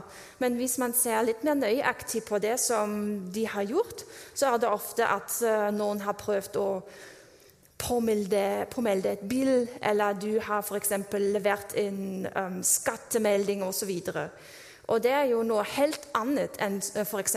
økonomisk sosialhjelp, som er mye mer kompleks. Og uh, det som vi ser, er at ofte um, de, um, offentlige tjenester de er behandlet som generiske konsepter.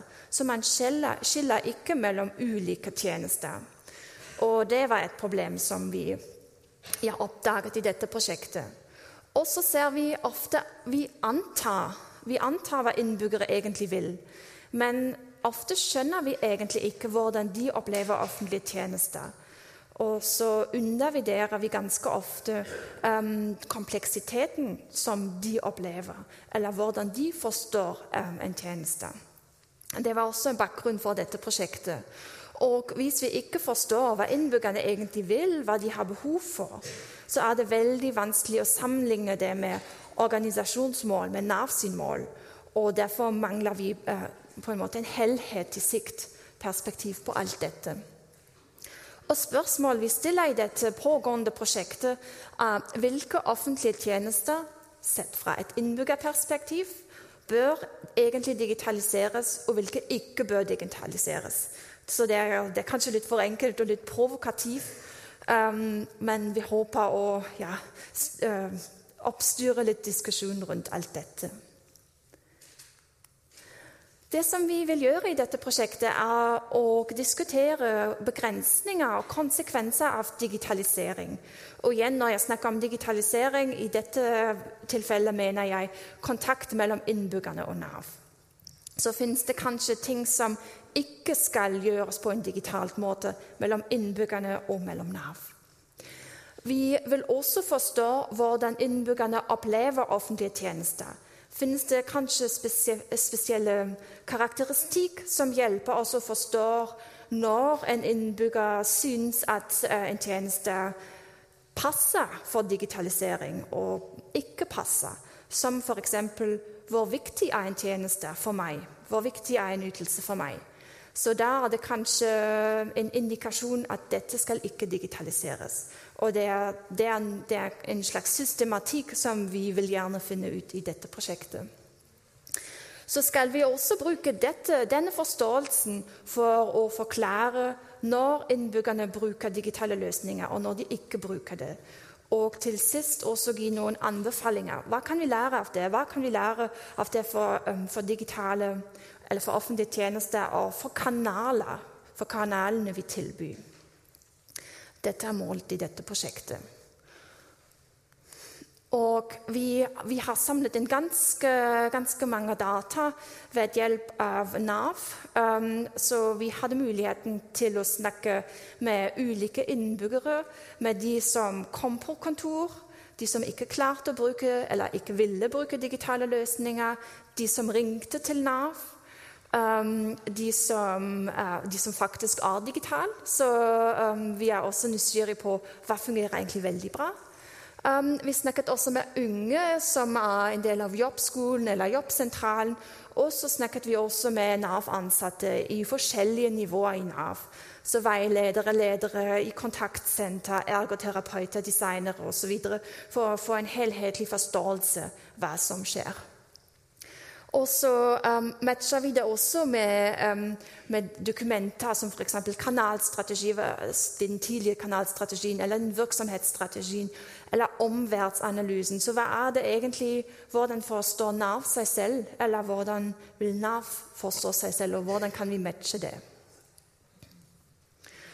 Og jeg har tatt med meg eh, noen smakebiter for dere fra resultatene som vi har funnet. Egentlig hadde vi tenkt vår idé var ok, til slutt kommer vi opp med en sjekkliste. Hvis disse og disse, disse egenskaper finnes, så skal man digitaliseres. Det var drømmen. Men så fant vi ut ok, god teoretisk idé, men det finnes dessverre ikke. Så det ble litt mer kompleks eh, enn vi hadde tenkt. Så det, det er jo egentlig ikke bare tjenesteegenskaper vi må se på, men det er mye mer. Og for øyeblikket jobber, jobber vi med tre hovedelementer i dette. Så vi har um, søknadsprosessen, vi har innbyggeregenskaper, og vi har ytelsesegenskaper. Og jeg skal gi dere litt innsikt i hva dette betyr. Så søknadsprosessen er allerede mye mer kompleks enn vi hadde tenkt. Um, eller enn vi hadde håpet. Så vi, vi, ser at det begynner med en slags trigger. Noe skjer um, i, i, liv, uh, i et uh, innbyggers liv. Så f.eks. man mister jobb.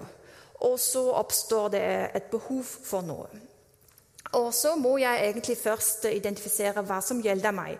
Ok, Jeg må kanskje søke arbeidsavklaringspenger. Da skal jeg søke. Jeg skal vente på et svar. I det beste tilfellet får jeg et svar. Ja, det skal du få. Så får jeg utbetalt dette, og til slutt blir det kanskje noen spørsmål frem og tilbake. Um, Ja, så det er seks steg, egentlig. Og det betyr at i hvert av disse steg kan innbyggerne og Nav også bruke forskjellige kanaler. Um, så, og vi kan også bruke ulike kanaler i ett steg. Så jeg kan f.eks. være logget på nav.no mens jeg ringer, eller jeg kan skrive ut noe og ta det med på kontor. Så det er helt kompleks. Og vi begynte med å tenke ok, vi skal gi anbefalinger om en tjeneste. og Den skal digitaliseres, og den skal ikke digitaliseres. Men egentlig tenker vi at det er også å se på hvilke steg skal digitaliseres. Eller kan digitaliseres. Eller egner seg til digitalisering. Og um, En løsning kunne f.eks. være hvis vi har veldig komplekse tjenester. Så um, at vi ser ok, det første steget egentlig forstår hva som gjelder meg, det er en god mulighet for å snakke med et menneske. Så for å forklare hva er det du har behov for, hvordan ser prosessen ut, hva kan du forvente osv. Og så er det kanskje en mulighet at resten skjer digitalt, eller nesten digitalt. Fordi der forstår folk hva de skal. Så det er noe vi tenker kunne være verdifull. verdifullt. Hvis vi ser på innbyggeregenskaper, så ser vi at Nav um, har en, en, veldig god forståelse av hva utgjør um, at noen kan bruke digitale løsninger eller ikke. Og så finner vi ting som um, lav systemforståelse, forståelse, funksjonsnedsettelser, språk eller kanskje andre utfordringer med digitale løsninger. Og I tillegg til dette fant vi også flere andre ting som utgjør um, ja, at en innbygger kan eller ikke kan eller ikke vil bruke digitale løsninger. Som f.eks. det er noen sitater som um, vi, jeg har tatt uh, med fra, uh, fra, intervjuene som vi gjennomførte. Så f.eks. her så det er, uh, det er for sykdom og stress involvert i å kunne klare seg selv. Så um, du må være, egentlig må du, må du, være sterk for å være syk. For å ja, få dette du har krav til. Også ofte, ofte tenker vi at uh, vi skal involvere innbyggerne i, um, i, å finne løsninger. Men så er det egentlig ofte at innbyggerne vil at Nav eller noen finner en løsning for dem. De vil bare få resultatet, så de vil egentlig bare få penger. Og så vi, um, ser vi også f.eks. noe med maktbalanse. Så um, Det var flere sa, som sa jeg føler meg egentlig bare som et nummer. Og hvis uh, jeg skal bruke digitale løsninger, føler jeg meg enda mer som et nummer. Og det er så lett å avvise folk. Så det stemmer kanskje ikke, det stemmer sikkert ikke, men det er, det er bare en følelse. Så jeg vil ha følelsen å kunne påvirke um, det, som, det som gjelder meg. Og så har vi også f.eks. her um, folk som opplever at de ikke er standardbrukere, at, de, at deres livssituasjon er superkompleks, og at de har behov for at noen sier 'ja, jeg forstår deg, jeg forstår din situasjon'. Og det er ikke en datamaskin som sier det, det må være et menneske. Om vi skal ikke digitalisere alle disse tilfellene, det må vi snakke om, men det er i hvert fall dette er ønsket fra, fra innbyggerperspektiv. Og til sist um, ser vi også på ytelsesegenskaper. Og det gjelder forskjellige elementer, egentlig, som f.eks. kanalegenskaper. Så um, Hvis vi ser på digitale selvbetjeningsløsninger, så fant vi at ofte er de, er de hva skal jeg si, ganske standardisert og kan ikke tilpasses til de situasjonene som trengs. Så F.eks. hadde vi en løsning som uh, kunne brukes til forskjellige ytelser. Og Egentlig krever man ikke all informasjon til alle ytelsene, så, men innbyggerne måtte fylle inn et veldig langt skjema for å søke om en liten tjeneste. Eller f.eks. når du har papirsøknader, så kan du bare legge til en kommentar. 'Dette gjelder ikke meg', eller 'min situasjon er spesielt', um, osv. Og, og det ikke er mulig i digitale løsninger. Så da må du fylle inn dette feltet. Du må krysse av dette og dette, dette, men ikke mer. Så um, det er en anbefaling som vi kommer til å gi, å gjøre digitale løsninger mer fleksible. Så hadde vi også flere um, som vi snakket med, som påpekte um, ja, viktigheten av veilederne. Så um, det var flere som sa at de ikke hadde klart livet sitt uten veilederen. Så det har vært, den har vært så superviktig for dem. Så de forstår dem, de ringte dem. Så det, var, det handlet ikke bare om, om ytelse, men det, det, handlet om å være forstått um, og være sett av en menneske. Og så ser vi også f.eks. viktigheten. Så hvis jeg har absolutt um, viktig behov for å få penger for å, for å overleve og for å kunne kjøpe mat, så um, trenger jeg noen som sier ja, du skal få denne pengen på din konto om fire timer. Og det er ikke noe en datamaskin eller en digital løsning kan si til deg. Så da er det viktig, eller folk føler at det er viktig, at noen bekrefter ja, det skal du få. Vi håper med dette prosjektet at vi kan tilby innsikt i hvordan innbyggerne opplever offentlige tjenester, hvordan vi kan kanskje skille dem, og hvordan vi kan bruke denne forståelsen for å gi anbefalinger om hvilke deler kanskje vi skulle sette mer søkelys på ikke-digitale løsninger, og hvor det gir absolutt mening å digitaliseres. Tusen takk.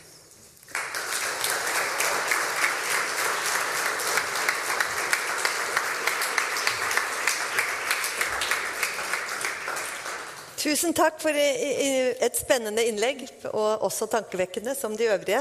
Eh, vi har litt tid igjen på din sesjon, så hvis du er åpen for spørsmål, så, så retter jeg eh, muligheten til publikum. Er det noen som har et spørsmål eller en kommentar?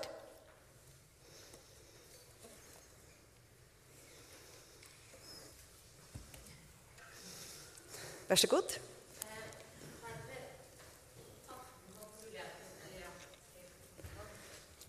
At um, må det være enten-eller, eller kunne man sett for seg en situasjon hvor man digitaliserte noen ting, men opprettholdt et uh, analogt tilbud ved siden av? Da? Ja, absolutt. Det er ikke enten-eller. Så det er, um, det Du skal alltid egentlig ha, ha, valg å gjøre ting digitalt, så da er, egentlig, da er det egentlig best. Um, men det er også viktig å ha andre kanaler.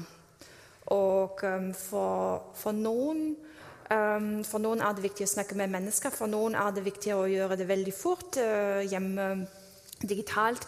Så det er det som vi prøvde å, å si med dette uh, innbyggeregenskapet, at det samme tjeneste kan oppleves helt forskjellige av forskjellige um, personer. Tusen takk. Julia, vær så god. Ja, tusen takk. Veldig interessant innlegg. Um, jeg ville egentlig mer kommentere Jeg lærte noe virkelig nytt her, som kanskje mange andre har tenkt på. Men uh, stort sett så hører jeg at man begynner digitalt, og så blir saken etter hvert gitt til en saksbehandler og et menneskemøte.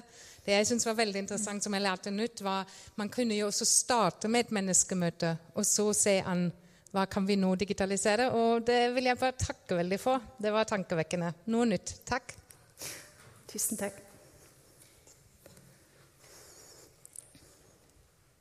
Ja, du, du, nevnte dette, Julia. Eh, jeg, og jeg, samtidig så lurte jeg på Dere som er digitale eksperter, hvordan får man det til?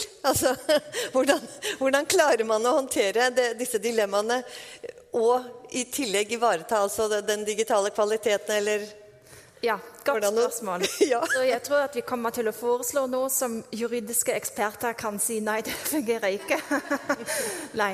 Um, altså, ja, det er, det er superkompleks, og vi kommer ikke til å løse alle pro problemer som, som, vi finner. Men vi håper at vi kan kanskje gi litt innsikt i hvor man skal passe på, at det finnes flere muligheter, ikke bare, ikke bare det digitale.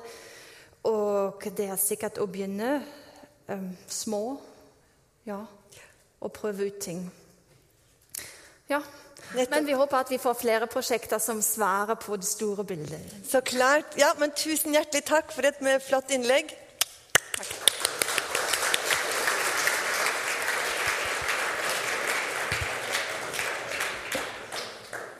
Og da kan vi gå over til neste innlegg av eh, Julia, som allerede nå har latt sin stemme høre.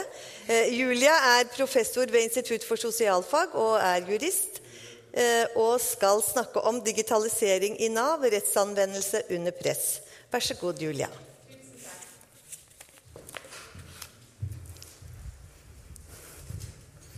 Skal vi se Jeg må ha med meg klikkbeiten. Klikken.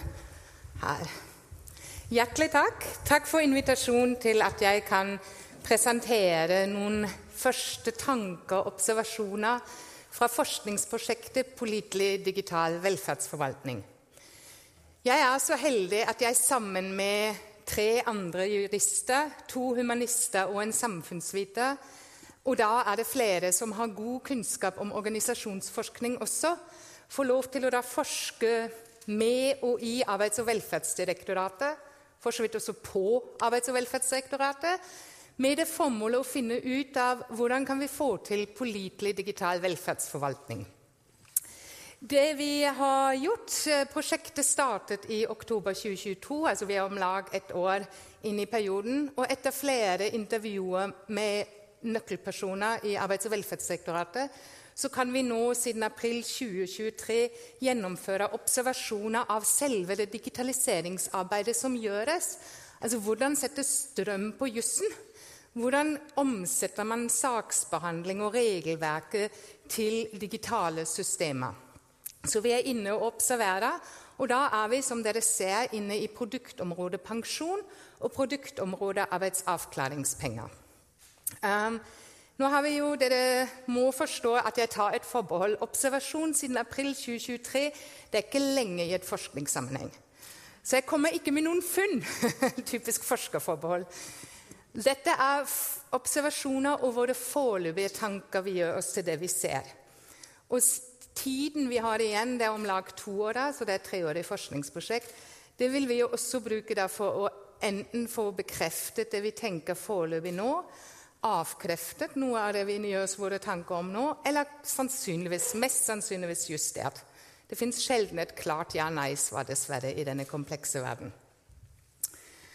Så dere har allerede hørt om dette tidligere i morges, men eh, jeg vil allikevel gi dere bakgrunnen, hva, hva det er vi går inn i når vi observerer. Eh, tradisjonelt så har IT-utviklingsprosjekter jobbet etter en fossefallsmetode. Man eh, forsto at man har et behov eh, for et digitalt system, og utredet nærmest grundig gjennom ja, hva er det man trenger, hvordan skal man bygge opp dette systemet. Det ble testet, selvfølgelig med de som skulle anvende systemet, og så ble det rullet ut. Og så husker jeg veldig godt fra studiene mine her ved dette fakultetet det var at IT-kontrakter de er alltid feil. Alltid med vesentlige mangler. Det funker aldri, det som rulles ut. Ikke sant? Så det var sånn, eh, Vesentlige mangler. IT-kontrakter måtte mye mye til før den IT-kontrakten nådde opp til vesentlig mangel, for de har alltid mangla de leferansene. Sannsynligvis, det er min forståelse av dette, har man dermed lært og sagt ok, digital utvikling må skje på en annen måte, en annen metodikk, og det har vi også hørt om allerede, smidig utvikling. Fortløpende endringer, fortløpende forbedringer. ikke sant? IOS, ny oppdatering, ny oppdatering. Vi oppdaterer våre mobiler hele tiden. Den smidige utviklingen den har egentlig en sånn top down, bottom up-forståelse. ikke sant? Men de som anvender det digitale, altså f.eks. saksbehandlere på Nav-kontoret, melder tilbake dette fungerer ikke godt. Det gjøres endringer. Vi går tilbake igjen til kontoret, ut opp til direktoratet, og så har man en sånn ringgående iterativ eller iterativ gjentagende. ikke sant? Og Det fører jo til at man får inn et brukerperspektiv, de som skal bruke disse systemene. Man håper også økt innovasjon. Du får hele tiden forbedringer. ikke sant? Og vi, vi, ser hvordan vi kan løse det bedre, og hvordan vi kan utvikle en sånn holistisk, helhetlig tjeneste. Alt dette skjedde, kom inn i direktoratet med denne endringen i 2019. At man tenkte dette skal vi gjøre selv nå. Altså, vi skal ikke kjøpe digitale løsninger fra eksterne eh, leverandører. Vi skal gjøre det selv, som dere jo vet, organisert i produktområder. Det vi opplever i de produktområdene vi er, er at det er multidisiplinære teams som jobber sammen. Tverrfaglig syns jeg ikke høres bra nok lenger. Altså, det er sånn jurister brukere av systemet der ute på kontoret, IT-utviklere, designarkitekter og sikkert med vanvittig mye annet. Sannsynligvis organisasjonskompetente forskere er med, eller forskere ansatte. Så alle disse møtes i Teams, og de diskuterer og de jobber sammen. Og de bruker ulikt språk og ulike begreper og prøver å forstå hverandre. Det vi også er innenfor, er at vi ser at det utvikles regelbaserte algoritmer. Så det vi ikke ser, og det er jo også blitt tatt opp, vi ser ikke utvikling av maskinlærende systemer i produktområdet pensjon og produktområdet arbeidsavklaringspenger. Det må dere ha med dere videre. ikke sant? At det ikke kommer til å si noe om observasjoner som knytter seg til kunstig intelligens eller maskinlærendesystemer. Med maskinlærendesystemer så mener jeg en sånn samlebegrep om at eh, maskinen fôres Altså Det vi ser i dag, er at maskinen gis algoritmer der vi mennesker har definert mønster og sammenhenger av den dataen, og hva den dataen skal lede til. I motsetning hvor maskinen kun gis data og selv skal lære sammenhenger. Og ut fra det kommer med anbefalinger eller beslutninger. Vi ser både at det utvikles løsninger som er helt nye, og som skal være beslutningsstøttende. Det gjelder for arbeidsavklaringspengeområdet. Og så ser vi at det også jobbes da særlig med arbeidsproduktområdet pensjon. Eksisterende, svært gamle, dårlige systemer. Altså Man jobber med endring og forbedring istedenfor å utvikle noe nytt. Og der ser vi også systemer som er helautomatiserte. Altså som sender ut vedtak direkte til borgeren. Hvor det ikke er noe menneskebehandling på å inne i bildet. Før jeg gir dere observasjonene vi gjør, og hvordan vi forstår det, så skal dere få et lite krasjkurs i juss. Og da i rettsanvendelse. Så nå kommer det. Um, rettsanvendelse det betyr rett og slett at lov og rett anvendes på en hendelse. Enten det er en avgjørelse eller det er en handling. Og det starter alltid med en sak. Og det starter også i Nav med en sak.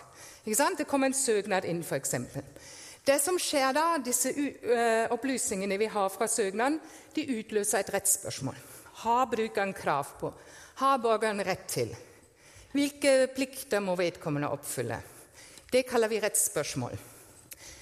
Ofte har vi i systemet allerede et rettsgrunnlag. Vi vet hvilken paragrafer, hvilken lovtekst som regulerer et svar på det spørsmålet.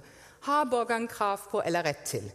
Er vilkår X, Y og Z oppfylt for at vedkommende kan få en ytelse eller tjeneste? Det er det rettsspørsmålet skal finne ut av. Og vi håper at vi finner et svar i en lovtekst Lovtekstene Jon Christian har allerede sagt det, de er ofte flertydige og tvetydige. Så vi trenger en presisering. Lovteksten gir oss sjelden et konkret svar. Vi trenger flere rettskilder, relevante rettskilder. Trygdeskandalen Ops, vi glemte trygdeforordningen. En relevant rettskilde. Der bommet vi i rettsanvendelsesprosessen. Ikke sant? Vi jurister. Um, så vi har behov rettsgrunnlag, relevante rettskilder.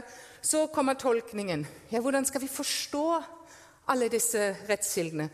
Det krangler juristen også om når det gjelder trygdeskandalen. Ja, hva er handlingsrommet innenfor trygdeforordningen? Ikke sant? Så Én ting er jo å finne fram, det neste er å forstå innholdet. Og være uenig. Jussen er kjennetegnet av at argumenter kan motargumenteres. At vi er ikke nødvendigvis enig i tolkningen fram til rettsregelen. Rettsregelen blir ofte kalt for gjeldende rett. Men i den komplekse jusverden vi også befinner oss i, så er det ofte, og ofte jeg hører, og kanskje selv også, ikke snakke om gjeldende rett lenger, men mer om en sånn mest forsvarlig forståelse av lov og rett. Fordi det er komplekse, en rekke komplekse eh, rettskilder som må trekkes inn for å komme fram til rettsregelen. Underveis i løpet av den tolkningen så finner vi også ut at vi må vite mer. Vi må kartlegge faktum, denne saken som utlyste hele rettsspørsmålet om vilkår X, Y og Z er oppfylt. Uh, vent litt, vilkår Z det har vi egentlig ikke noe svar på enda. Så vi må kartlegge saken noe nærmere. Og til slutt da, den enkle, klare konklusjonen. du får den ytelsen, du får det ikke. Det er rettsanvendelse på det det jurister øver på i årevis. Um, Samtidig og parallelt med denne rettsanvendelsesprosessen. Vi er fortsatt i opplæring i juss. så er det da et krav om forsvarlig saksbehandling. Forsvarlig saksbehandling består av en rekke trinn eller skritt, eller deler, hvis man vil. Um, det jeg har trukket fram, er det som etterpå blir relevant når dere skal forstå min forståelse eller vår juristers forståelse av det vi observerer. Så jeg trekker fram det som har å gjøre med kartlegging av saken. Vi skal klargjøre faktum, juristene. Vi skal finne ut hva er faktum, hva er virkelighetsbeskrivelsen vi skal legge til grunn i denne saken. Og Da kan man jo også være uenig. Ikke bare i tolkningsresultatet, men også ja, men hva er sakens virkelighetsbeskrivelse. Det som skjer er at Ved endringer av informasjon så krever forsvarlig saksbehandling at borgeren blir opplyst om nå har vi fått ny informasjon om deg. Du skal ha muligheten til å kommentere denne. Det kreves også å gi fortløpende opplysninger. Ikke nødvendigvis at de endrer rettsforholdet eller rettsspørsmålet, eller kanskje vi må finne ut mer, men også fortløpende opplysninger som kanskje bare bekrefter faktum i saken, skal gis til borgeren. Man skal gi veiledning, sånn at borgeren kan ivareta sine egne interesser. Og borgeren skal også ha innsyn i dokumenter. Som Jon Kristian sa, herregud, hvor er dokumentene når alt er digitalt? Men skal i utgangspunktet ha innsyn i sine dokumenter. Poenget med hele dette her er retten til kontradiksjon. En sentral rettssikkerhetsgaranti. Du skal kunne imøtegå eller kommentere eller gi flere opplysninger til forvaltningen, så at saken er så godt opplyst som mulig. Drømmen er jo god rettsanvendelse, god forsvarlig saksbehandling, der borgeren er inne i dialog. ikke sant? Flere har snakket i dag allerede om dette menneskemøtet. Er det i dialog med forvaltningen, så kommer vi fram til det sentrale i en rettsstat, og der kommer vi fram til rettsriktige avgjørelser. Og de kan noen mene er feil. ikke sant? Og Da kommer bestridelsen igjen, og du, to advokater som krangler i retten. og den tanken. Fordi alt sammen jeg har snakket om nå, er jo egentlig skjønnsutøvelse. Du har en tekst, du har en fasthet, du har rettskilder, du må bruke de relevante rettskilder. Det er noe objektivt i det, men samtidig kommer den subjektive forståelsen inn. Hvor du forstår den teksten, hvordan du tolker den teksten. Og det kommer en subjektiv forståelse inn. Hva er faktum i saken? Så det skjer feil. Men drømmen er at hvis rettsanvendelsen gjør det så grundig som mulig Vi husker å ta med rykteforordningen vi gjør forsvarlig saksbehandling, vi gir borgeren en stemme til å komme med sine synspunkter om faktum i saken. Så er det sannsynlig at vi kommer til rettsriktig avgjørelse, avgjørelse forankret i lov. Og da har vi en rettssikker rettsstat. Ikke sant? Demokrati og rettssikkerhet er ivaretatt. Nå kommer vi endelig til observasjonene. Dette her var bare litt sånn opplæring. Den første observasjonen vi jurister i vårt forskningsprosjekt, og det er det jeg snakker om jo ut fra, la merke til, det er tolkningsprosessen når formålet er å digitalisere. Så Hvis dere husker den rettsanvendelsesprosessen, så er det først sakens rettsspørsmål. Er vilkår X uansett oppfylt? Rettsgrunnlaget. Nå er vi i tolkning. Men vi skal ikke tolke for å avgjøre en enkeltsak. Vi tolker med målet om å digitalisere denne lovteksten, eller disse rettslige kildene. Hva observeres? Fantastisk detaljert dokumentasjon. Dere skulle sett type Excel-ark hvor det skrives ned paragrafen, bestemmelsen, de sentrale begrepene, og så er det bortover skrevet ned om og om igjen tydelig. Trygderetten sa, Høyesterett, internasjonale eh, forpliktelser. Det er fantastisk. altså Så grundig tolkning at jeg som borger som sitter der og observerer det, tenker tillit. Veldig bra. Så er det veldig fascinerende. Og da, I de møtene da sitter det 10-15 stykker med ulik faglig bakgrunn. Juristene leder dette, men alle er med. Alle er med fordi man tenker man må være med for seinere å kunne kode det. Men så har vi også hørt i dag noen faller fra. Noen er syke. Det kommer nye inn. Noen kunne ikke allikevel. Barnet var syk, eh, barnehage var stengt. Alt mulig skjer i livet. Ved neste møte man så seg egentlig ferdig med paragraf 11-5. Må man begynne på nytt? Selv om det står alt der. Vi må begynne på nytt. Neste korsvei. Hvorfor skjer tolkningen om igjen? En opplevelse av evig tolkning. Det vil da selvfølgelig også, altså virkelig en evig tolkning. Altså du, du, må ha med deg nye medarbeidere til å forstå denne lovbestemmelsen. Og de som har ledet tolkningen selv, begynner på nytt. Um, det skaper jo en tids- og resultatspress. Ikke nødvendigvis et press for rettsanvendelsen, for dette er vi ganske vant med i rettsanvendelsesprosessen. At tolkning starter, kan starte på nytt, særlig når altså, lovteksten er flertydig og tvetydig. Så egentlig blir det et press for digitalisering, dette her. Digitalisering er under press, fordi vi kommer jo aldri fram til gjeldende rett.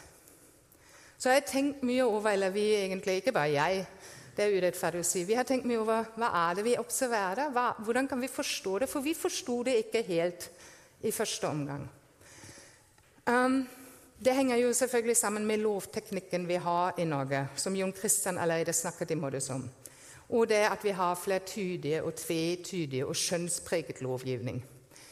Lovgiveren startet en eller annen gang la oss si, politisk sett med eksempler fra enkeltsaker. Dette her må lovreguleres. Eller det var et krav i samfunnet. Dette må reguleres. Lovgiveren ønsker ikke å gjennomregulere forvaltningen, ha tillit til forvaltningen og løfte enkeltsaker opp til generiske, hypotetiske saker overlate til profesjonsutøverne til å vurdere disse generiske, hypotetiske sakene som er gjemt i de flertydige ord, at profesjonsutøveren kan anvende det på en konkret sak. Når du, når du tolker for, med formål om digitalisering, så mangler du den konkrete saken. Du har, hjernen din har den ikke. Og du, du, du, mangler forresten veldig lik smidig utvikling. Du mangler muligheten til å gå fra topp til down og opp igjen. For det som skjer når vi tolker, det er at vi bruker også saken til å forstå den teksten vi leser, eller de tekstene vi prøver å forstå.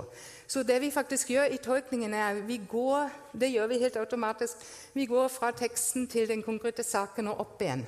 Så det er også en sånn gjentagende øvelse.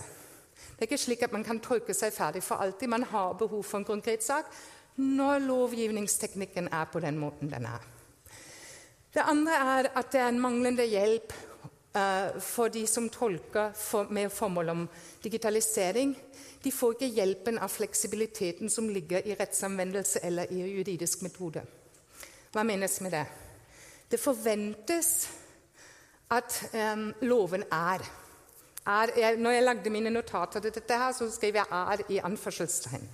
Altså Det forventes i, I, vitenskap kaller man det en sånn positivistisk syn. Loven er. Og det stemmer ikke. Loven er ikke. Loven blir til. Det er en forutsetning at loven har en fasthet i seg. Ellers så har det jo samfunnet som er basert på en rettsstat, brutt sammen. ikke sant? Da kunne ikke gjort noe når alt er lovregulert og loven har, er bare fleksibel. Der kommer vi ingen vei. Men det er én nødvendighet i loven at det fins noe fast, som en lovtekst. Men det er ikke tilstrekkelig. Loven er også fleksibel, og det er den med vilje. For den skal igjen, lovgivningsteknikk, den skal kunne tilpasse seg enkeltsaker. Og her kan man ikke her er Juristene må altså hele tiden eh, forklare nei, det kan vi ikke si helt sikkert. Det vet vi ikke helt sikkert. Altså, Vi opplever rett og slett at IT-utviklerne er fortvilt. Ikke kan ikke det det juristene bli enige om? Nei. For det, loven er ikke bare Loven blir også til mens den brukes. Mens man bruker den på en konkret sak. Juristene blir møtt med ja, men da må dere avgjøre hva som er gjeldende rett. Det mandatet Jon Kristian sa det i dag huh, For du også vet at her skal denne fleksible loven, den forståelsen vi har i dag, den skal kodes til loven er. Det vil ikke jeg ta ansvar for den, den, opplevelsen ikke sant? så juristene sliter. Så er det jo også da selvfølgelig et logisk krav. Ja, men da må loven endres. Og så er det en, en, opp, en oppdrag til juristene i disse produktområdene å melde tilbake at loven skal endres oppover i systemet, men også å konkretisere hvordan. Det er kanskje en liten digresjon nå, men um, fra det flertydige, tvetydige, som skal fange mange hypotetiske enkeltsaker, til å være den som skal tenke altså Man er jo gjerne kanskje to jurister da, som skal tenke ok, hvordan kan vi lage den kasuistiske lovgivningen som er, som fanger alle de mulige utenkelige eller tenkelige saker, og unngå at vi skyver ut noen borgere som ellers kanskje sannsynligvis hadde fått krav på en ytelse. Jeg vil ikke være huh. I hvert fall har det, trengs en viss tid, og tradisjonelt er det jo departementet som gjør det. som gjør denne utredningen. Så her krasjer det også nå. Så det der var den ene observasjonen. Jeg har glemt å Ja, jeg har god tid. Man snakker jo så fort. Andre veien. Den vei. Så det er om tolkningen. Puste. det er som en heseflis. Man tenker alltid mer kort. Har god tid. Kartlegging av faktum i saken. Det er da det andre. ikke sant? Jeg har jo vist det rettsanvendelsesprosessen, og tolkningen er det jeg trakk fram. Det neste som jeg ønsker å trekke fram, er det vi observerer, observerer i forbindelse med noe som jo egentlig knytter seg ikke til rettsanvendelsesprosessen som sådan, men til forsvarlig saksbehandling. Så en grunntanke, Den tilliten vi har til forvaltningen som et grunnlag i vår rettsstat, som Jon Christian snakket om, den eh, tilliten den ser man i forvaltningsloven, hvor det bl.a. gis rett og slett en anvisning om at en sak skal være så godt opplyst som mulig. Det er i forvaltningsloven en, sentral, en sentral bestemmelse. Og tanken, nettopp fordi lovgivningen vår er gitt med tanke på at det er menneskemøter, det er jo at den får du bare så godt opplyst. Sånn underviser vi våre studenter. Den får du bare så godt opplyst som mulig når du har også borgeren inne i bildet. Altså Når borgeren kan komme med sitt, akkurat retten til kontradiksjon, er en helt sentral rettssikkerhetsgaranti for å komme fram til en rettsriktig avgjørelse, sånn at vi kan si vi har en rettsstat med rettssikkerhet. Masse retts. Hva observerer vi? Data er nok. Datahimmelen. Ikke sant? Når vi har dataen liggende der digitalt, så er den nok. Den opplyser saken så godt som mulig. Vi trenger jo ikke menneskemøte. Vi har jo dataen. Den er strukturert til og med. Altså ikke en sånn, Jeg lærer jo litt om digital verden og utvikling. Ikke er det en dum PDF-fil engang. Nei, nei.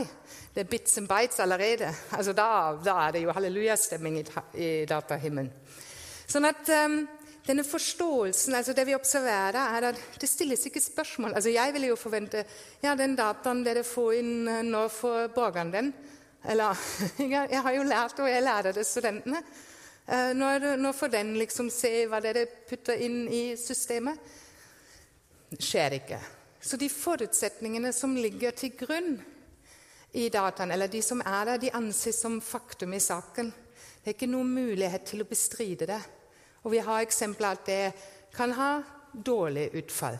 Ikke, altså, ikke en rettsriktig avgjørelse, rett og slett. Um, hvordan kan det forstås? Man ønsker å være tilpasningsdyktig. Borgeren skal ikke belemres med data. Sånn? Smidig, ikke bare i utvikling, men også i møte med borgeren.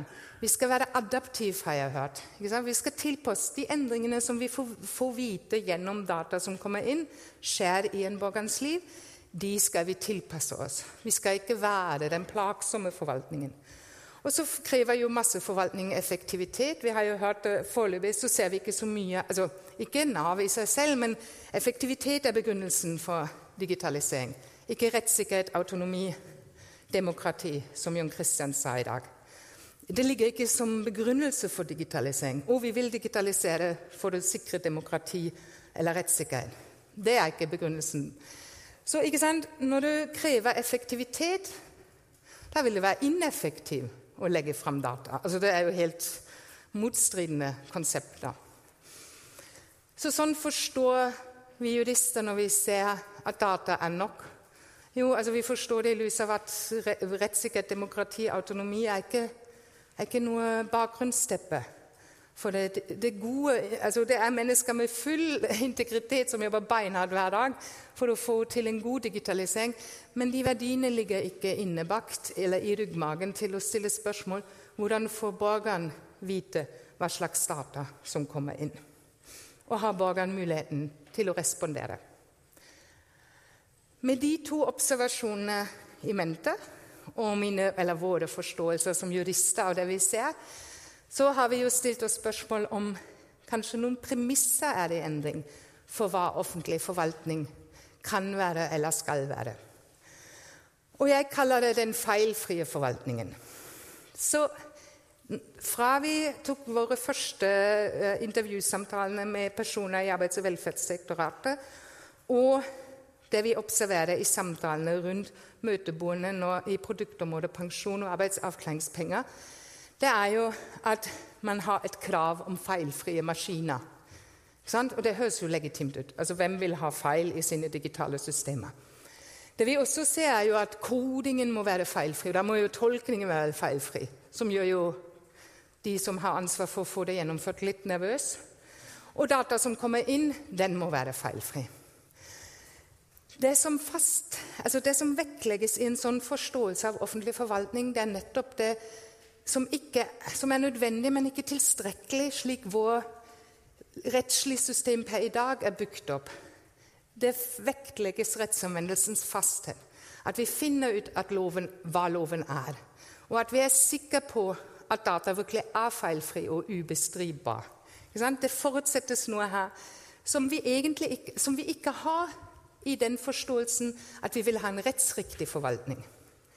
En rettsriktig forvaltning anerkjenner faktisk at likebehandlingsprinsippet ikke kan strekkes til det uendelige at hvilken saksbehandler du får, vil gjøre den rettsanvendelsen noe annerledes enn en annen saksbehandler. Men at også den fleksibiliteten er, go altså er god å ha, fordi den kan tilpasse seg direkt, Rettsanvendelsen kan tilpasse seg den konkrete saken og den enkeltborgeren. Så spørsmålet er jo vil vi ha en feilfri forvaltning, eller vil vi ha en rettssikker forvaltning. Og Det må ikke nødvendigvis være motsetninger, men det som går tapt i den feilfrie forvaltningen, det er at vi anerkjenner at foreløpig i hvert fall så ble loven til gjennom å argumentere, gjennom å bekjempe det, gjennom å gå i dialog, gjennom å ha menneskemøter. Da ble loven til foreløpig, slik vi har lagt det opp til. Og så er jo spørsmålet hva slags betydning det har for eh, tilliten til den offentlige forvaltningen og til Nav. Ikke sant? Denne feilfrie forvaltningen Er det helt sikkert at den er feilfri? Og hvordan kan jeg egentlig imøtegå denne feilfrie forvaltningen når jeg ikke har muligheten helt? Eller du som saksbehandler, saksbehandler som får beslutningsstøtte gjennom et digitalt system. Det som skjedde forut for det jeg ikke har innsyn i, kan jeg stole på det? I møte med hverandre kan vi være uenige, men da kan vi krangle. Da kan vi snakke sammen. Jeg syns ikke sånn som du tolker loven, er riktig. Jeg syns du har glemt trygdeforordning. Trygdeforordning gir mye større handlingsrom til Norge enn det du sier. Men vi kan ha tillit til hverandres hva som, hva som kommer til slutt fram til å bli konklusjon. Uh, vi kan være uenige, men vi kan ha tillit til den. Så den pålitelige digitale forvaltningen kan være pålitelig med tanke på at den er feilfri, men kan vi Eller Spørsmålet er om man kan sette et likhetstegn mellom pålitelighet og tillit. Selv om de henger jo sammen, disse begrepene. Så kan det godt være at man syns det er pålitelig når den er feilfri, men kan vi ha tillit samtidig? Det er spørsmålet. En annen premiss jeg ser som er i endring, eller som vi eller tenker oss når vi, det vi observerer, det er jo Hvilken forståelse har man av borgeren i den digitale pålitelige velferdsforvaltningen. Hvem er denne borgeren? Hva er borgerens interesse egentlig i møte med den offentlige forvaltning, eller da konkret med arbeids- og velferdsetaten Nav? Um, vi har et inntrykk av at borgeren i mindre og mindre grad i de samtalene blir konstruert Det er jo bare en konstruksjon da, og en antakelse fra vår side mindre og mindre som en rettighetshaver, men mer og mer som en kunde. Og det kanskje, det kanskje ligger allerede i ordet produktområde at man leverer et produkt. Eh, at det mer og mer forstås som et avtaleforhold, og vi tilpasser oss, vi den tilpasningsdyktige, adaptive leverandøren. Vi, vi, eh, du, du, trenger ikke å, å, oppfatte oss som noen med mer makt. Vi er i et avtale, avtaleforhold til hverandre. Vi leverer til deg. Du trenger ikke å bli belemret av oss. Og selvfølgelig jo, kan man jo i et avtaleforhold også ha plikter. Jeg betaler penger for å få. Så det passer fortsatt inn at også borgeren, denne kunden, kan ha plikter overfor Arbeids- og velferdsetaten eller Nav som sådan. Spørsmålet er altså om det her ikke um, savnes et perspektiv om denne nettopp maktskjevheten eller det ulike maktforholdet som tross alt fortsatt eksisterer mellom De som forvalter rettigheter og plikter, og den som skal ha krav på rettigheter og plikter.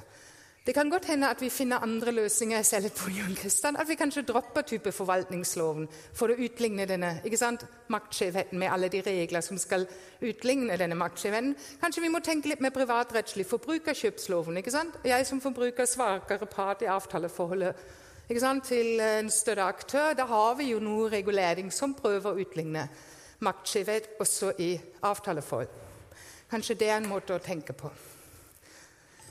Avslutningsvis mulige konsekvenser av de foreløpige observasjonene og høye, lave, dårlige tanker vi gjør oss. Um, denne manglende fleksibiliteten som altså, Eller den, det at man ikke anerkjenner kanskje også, eller ikke klarer å kode eller kommer helt bunns, til bunns med det der at rettsanvendelsen ikke er fast, men har noen sterke, fleksible sider i seg. Det blir jo da særlig tydelig ved at man, um, man fjerner dialogen som ligger som en del av rettsanvendelse og saksbehandling. Altså det, det, blir en, en, det, blir en, begrensning av hva slags data har vi til å kunne treffe en avgjørelse. Så man reduserer eh, rettsanvendelsen og saksbehandling til noe som er, og ikke noe som blir til. Dette kan vi pakke ut og unngå at folk blir skjøvet ut av rettigheter ved å ha mer kasuistisk lovgivning. Og mye mer. Altså, vi må rett og slett endre i så fall vår, vår lovgivningsteknikk. Og så er det jo et spørsmål når du er kunde Kanskje du mer tilpasser deg behov. At det, det er mer forsvarlig å dulte borgeren, sånn nudging, i en retning til å tilpasse seg det som gjør at du kommer inn i dette digitale systemet, hvis den kasuistiske lovgivningen ikke er kasuistisk nok. Du vil være denne borgeren som lovteksten treffer for å få. Det kan hende at det, at det blir mer legitimt. Istedenfor at som vi har tenkt oss rettsstaten med forholdet mellom borgeren og makten, det har jo vært mer at du har en stemme. 'Jeg har rett.' Jeg har krav på, jeg har rett til. Men så nei, ok, jeg må heller tilpasse meg det digitale systemet. Og så er det jo da færre møtepunkter mellom forvaltningens ansatte og den enkelte. Og spørsmålet er jo om man egentlig har muligheten til å være en pålitelig digital velferdsforvaltning når det ikke nødvendigvis er tillitsskapende og ikke kunne møte mennesker. Og da takker jeg så mye for deres oppmerksomhet.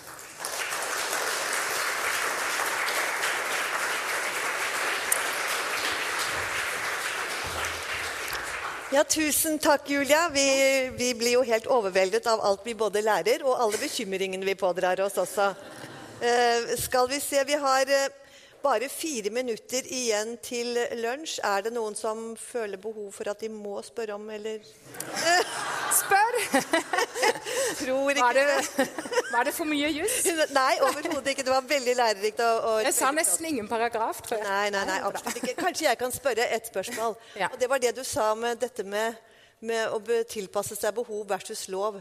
Men er ikke dette også en del av den generelle utviklingen innenfor trygd- og velferdspolitikken allment, og ikke bare knyttet til digitalisering? Oi, det var et stort spørsmål. Ja, det var det. Um, jeg syns ikke at lovendringene de siste årene viser det. Altså at, jeg syns fortsatt at, at, for de fleste lovbestemmelsene er vide og store og kan tilpasses nokså komplekse enkeltsaker. En ja, forståelse av det. Det kan hende at jeg hadde Men at kontroll, om du er virkelig den rette til å få det du får, og hvor mye du får, som også allerede ble nevnt, de kontrollmulighetene de har økt voldsomt. Ja. Ja, men... Og da vil man kanskje tilpasse seg for ikke bli kontrollert. Ja, det var det. Ja, oi, unnskyld. Vær så god. Jeg jobber i skatteetaten, men det er egentlig ganske irrelevant. Jeg har bakgrunn innen forvaltningsinformatikk, rettsinformatikk. Eh, det var et veldig interessant foredrag som har et helt annen tilnærming enn det jeg er vant til fra der jeg kommer. Ja. Eh, lurer på om du kan, Med utgangspunkt i Jon Bings artikkel i TFR på 70-tallet, automatiseringsvennlig lovgivning eh, Der ser, blir det Alderspensjon i 66 skulle gå automatisk. Ute på andre siden, på de områdene dere sitter på, har du alle de skjønnsmessige vurderingene i eh, arbeidsavklaringspenger. Mm.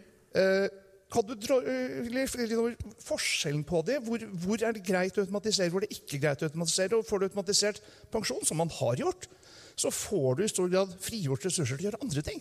Jeg er helt enig. Altså, igjen, som alle sa, vi er ikke digitaliseringspessimister. Det er akkurat det, det, De områdene vi observerer, så ser vi jo at noe egner seg mer også når det gjelder lovteknikken, egner seg til å bli digitalisert. Et vilkår som digitaliseres fort i arbeidsavklaringspengeproduktområdet, er jo du må være mellom 18 og 67 år. Selv som ikke-teknolog regner jeg med at det er ganske greit å kode. Men når det da kommer vesentlig medvirkende årsak, eller vi vet at sykdom er ikke bare sykdom etter trygderetten, men uh, altså, trygdelovgivning, her er det mye tolkning hva en sykdom er og ikke er, så blir det mer komplekst. ikke sant? Um, og her er vi er jo fortsatt i områder som jobber med regelbasert algoritmeutvikling. ikke sant? Så Derfor har jeg vært ganske sånn Kunstig intelligens er ikke inne i bildet det vi observerer. Jeg vet ikke om det var et svar, men noe er jo noe, altså Jussens logikk er jo for så vidt burde vært egnet. Hvis så, hvis så. Hvis X oppfylt, så Z. ikke sant?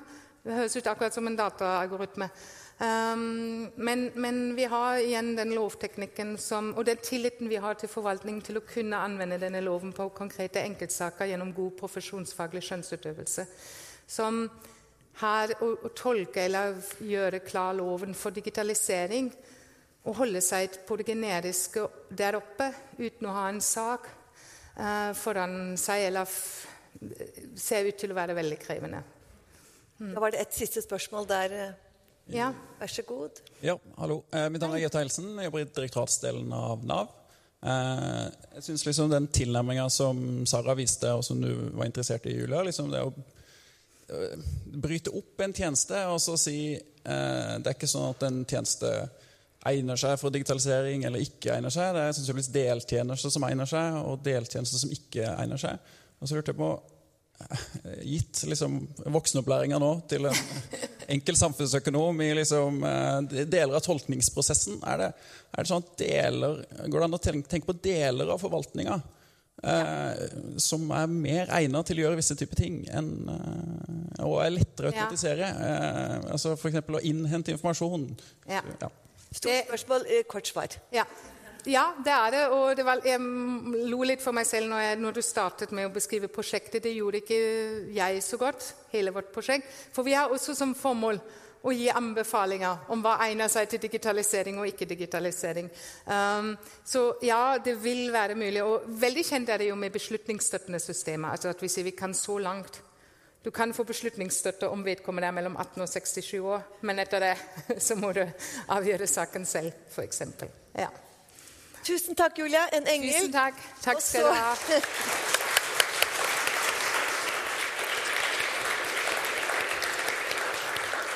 Og da er det lunsj fra 12 til 13.00. Og Bjørn Are, den står ute i foajeen eller uti Så det er bare å forsyne seg og mingle og Ja.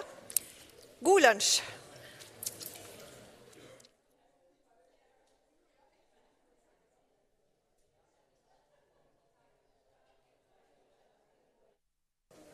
Jeg håper at dere har hatt både en hyggelig lunsj og at dere har blitt mette. Nå skal vi over til neste sesjon.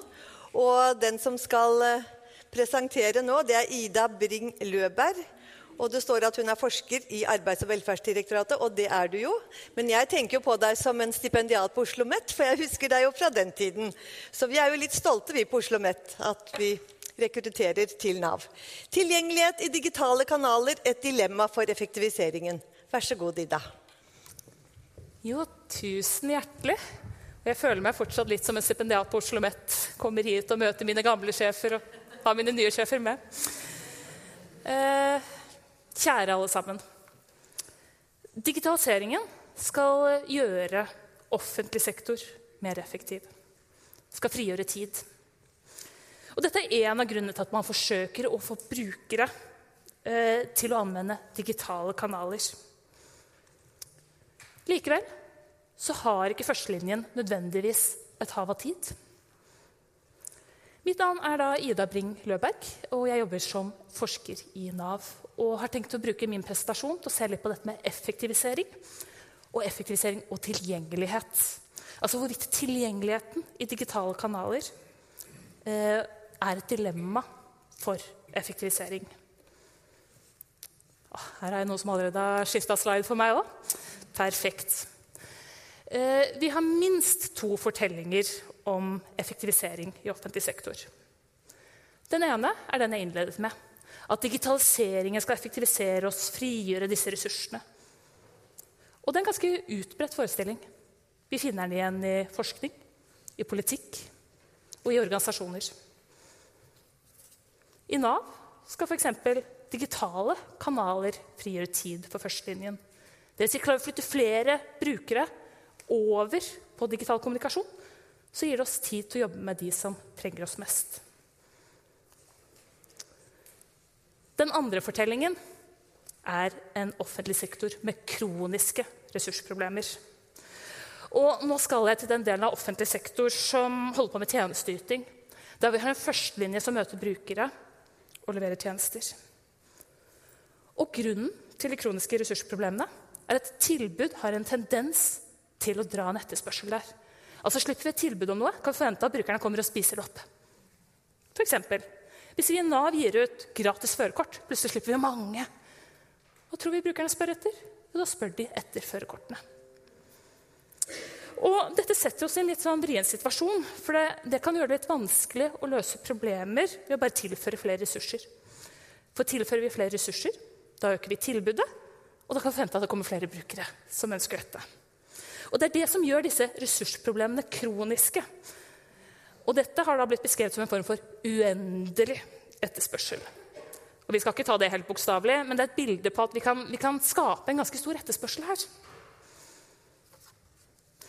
Men det er ganske motstridende fortellinger. På den ene siden så skal digitaliseringen effektivisere oss, og på den andre så går det her aldri bra uansett. Da er spørsmålet, Hvordan ser det egentlig ut? Og Som kvalitativ forsker så er jo da løsningen min å løpe til førstelinjen. For Det er førstelinjen man får ta tempen på organisasjonen. Det er de som vet hva som virkelig skjer. Det tar jo et par år før det er eh, denne kunnskapen når direktoratet. Og jeg spurte dem om hvordan de opplever dette. Jeg har med litt ulike data. Eh, noe fra lokalkontor, og de er litt eldre, fra 2017 til 2019. Men det betyr at jeg har fått knadd disse dataene litt mer. Og så har jeg med noen nyere fra Nav kontaktsenter. og Dette er noen ekspertintervjuer som vi skal komme litt tilbake til. Vi kan starte med noen av veiledererfaringene. Og jeg intervjuet disse veilederne om digitale dialogen. altså en form for digital meldingstjeneste hvor veiledere og brukere kan skrive til hverandre. Og eh, Da jeg intervjuet dem, så hadde akkurat dette kommet som en funksjon i det som kalles for aktivitetsplanen. Og jeg spurte ja, opplever dere den som effektiv. Og erfaringen oppsummert er litt sånn Det starter med en hallelujastemning. Ja, det er effektivt. Men Og det er jo som regel et men her. Vi har ikke nødvendigvis mer tid. Men vi kan starte med det som er effektivt. Og begrunnelsen de ga, var ganske enkel. Det tar rett og slett kortere tid å sende en melding enn eh, en del av de her mer tradisjonelle formene. Men det å sende et brev hvor det er postgang, det å ringe noen, det tar jo fort et kvarter, 20 minutter. det. Et møte tar en time, og så skal man jo skrive eh, referat etter altså Det er litt ekstraarbeid. Så det tar rett og slett kortere tid å sende en melding. Som jeg sa det, Vi har liksom opplevd at Oi, var det så enkelt? Den følelsen der at ting går raskere. Ting som tok 20 minutter, tar ett minutt. Men Og her kommer mennene. Det er også en potensiell utfordring her som handler om tilgjengelighet. Og Vi kan starte med sitatet. Det er en veileder som sier det er som om de, de brukerne som er digitale og har skjønt den digitale planen, de er veldig aktive. De sier at 'Å, det er så deilig'. Slipper å sitte i kø. Slipper å vente i tre måneder eller fire måneder for samtalene. Nå kan vi snakke sammen hele tiden. Og det skal sies at eh, En digital dialog er en ganske sånn unik direkte linje inn til veileder. Sånn som man kanskje ville gjort tidligere, at man kanskje hadde gått på Nav-kontoret. Du går i skranken, men, men, det er ikke gitt at den sitter i skranken er din veileder. Altså, det er noe sånn mellomledd her. Samme når du ringer inn. Du ringer, og så når du noen andre, og så sier du ja, men jeg vil snakke med en veileder, og kanskje de ringer tilbake igjen. Den digitale dialogen du kan sende melding direkte til din veileder. Og selv om tilgjengelighet regnes som en god ting, veilederne syns det, det er bra at vi er tilgjengelige, så skaper den litt ekstraarbeid. For den digitale dialogen gjør det enklere å ta kontakt. Og det som skjer, er at de opplever at folk tar kontakt. Nå kan vi snakke sammen hele tiden. Og sant, Det er en form for dobbelthet her. Ja, det er effektivt, men det er det ikke. Men man trenger ikke å jobbe i Nav eller Nav sine fagsystemer for å kjenne seg igjen. Den digitale dialogen den ligner litt på en e-post. Det at jeg er på e-post, kan være ganske effektivt av og til. Jeg kan sende unna en oppgave på fredag og ta helg. Ja. Men eh, det at jeg er tilgjengelig på e-posten, har en tendens til å generere litt merarbeid for meg. Det kommer oppgaver inn, også til meg på fredag kveld, som kan skape litt merarbeid. Og Vi skal gripe tak i én ting til i dette sitatet, og det er det som handler om kø. Slippe å stå i kø. For de digitale omgivelsene de skiller seg litt fra de fysiske. Og de signaliserer en annen form for tilgjengelighet. Vi skal ta den veldig tradisjonelle formen her. Vi skal inn på et eh, Nav-kontor. Her ser vi en skranke, og vi ser en kø. Køen den har en funksjon. Køen den signaliserer hvor tilgjengelig en tjeneste er. Altså hva slags kostnad det er ved å oppsøke tjenesten. Jeg kan få svar på mitt spørsmål. Det koster meg en halvtime av min tid. Altså Jeg må stå i denne køen og vente på tur. Det som skjer digitalt, er altså Køen forsvinner ikke. Det vet veilederne. Men køen er ikke synlig for brukere. Og Som bruker kan du sende så mange meldinger du vil. Fra hvor du vil, når du vil. Altså Du kan sitte hjemme og, og sende opp til flere. Så kostnaden ved å ta kontakt er redusert. Og så Køen forsvinner ikke. altså Det kan ta litt tid før du får svaret ditt. Eh, for det her er ikke en sånn her umiddelbar chat. Da. Altså Det er litt mer som en e-post. Det kan ta noen timer eller en dag før du får svar. Du slipper å stå den halvtimen på Nav-kontoret. Det jeg forsøker å illustrere her, er at eh, elektronisk kommunikasjon, digital kommunikasjon, kan skape en etterspørsel etter tjenester. Og nå skal vi litt tilbake til det jeg sa innledningsvis, at tilbud har en tendens til å dra eller generere en etterspørsel her. Og hva er det vi gjør i den digitale dialogen? Vi tilgjengeliggjør et form for tilbud her. Altså Vi eh, tilgjengeliggjør et tilbud om informasjon, om digital veiledning. Og Noe av det vi ser tendensen til her, er at sant, brukerne følger etter. Og så skal det sies. Noen brukere må man eh, bruke litt energi på å få digitale. Eh, det har jo veilederen også forklart. Eh, og det er jo ikke alle som er like aktive som denne brukeren som vil snakke sammen hele tiden. Altså, det er jo noen som aktivt unngår også. Eh, men det kan da virke som det er de kanskje litt mer ressurssterke som tar i bruk disse digitale kanalene. Som en, en veileder påpekte det. Det er ikke nødvendigvis de som skriker høyest, som trenger hjelpen mest. Det vi ser her, er jo en, en mulig ressurstrade-off her mellom tilgjengelighet og effektivitet. Det vil altså si eh, det betyr at det er ikke sikkert at det er så lett å realisere både tilgjengelighet og effektivisering på samme tid. Men så tenker nok dere at det må jo være effektivt på et eller annet vis. Altså Gitt alle de kronene vi bruker på å digitalisere, så må vi få noe igjen. Det må kunne hjelpe oss, denne teknologien. Og ja, vi, vi har eksempler på det òg. Og, og, nå skal jeg bevege meg litt over til Nav kontaktsenter. Eh, altså vi kan tenke på det som noen, noen telefonsentre som, eh, som besvarer spørsmål fra brukere. Så altså, hvis du ringer inn til Nav på hovednummeret, da når du kontaktsenteret. De svarer på telefon, men de svarer også i digitale kanaler. Altså på eh, den digitale meldingstjenesten Skriv til oss og chatten. Og de har også ansvar for Navs egen chatbot Frida. Totalt så har de om lag fem millioner elektroniske brukermøter i året. Så vi snakker volum her, altså. Og de opplever noe av det samme som på Nav-kontoret. At når de blir tilgjengelige, så er det mange som etterspør tjenesten. Et eksempel på det fra kontaktsenteret er at hvis vi åpner en ny kanal, kommunikasjonskanal inn, så øker bare det totale volumet av henvendelser. Men de har også erfaring med at teknologien kan hjelpe oss med å håndtere etterspørselen. Og jeg tenker Vi skal se litt eh, på chatboten Frida her. Og det jeg har intervjuet her, altså, jeg har med noen ekspertintervjuer. altså Det er noen som jobber tett på å ha god kunnskap om Frida. Og bare så det jeg har sagt da, En chatbot den ligner jo litt på en chat, altså en, en form for digital meldingsutveksling her. Men brukerne de snakker ikke med et menneske, ikke med en veileder. Det er en programvare eller en robot som svarer dem. Og Man kan si mye om roboter, men, men det har noen fordel i en effektiviseringssammenheng. Som en informant påpekte. Vi når flere brukere med chatboten Frida, men øker også automatiseringsgraden slik at den manuelle behandlingen går ned.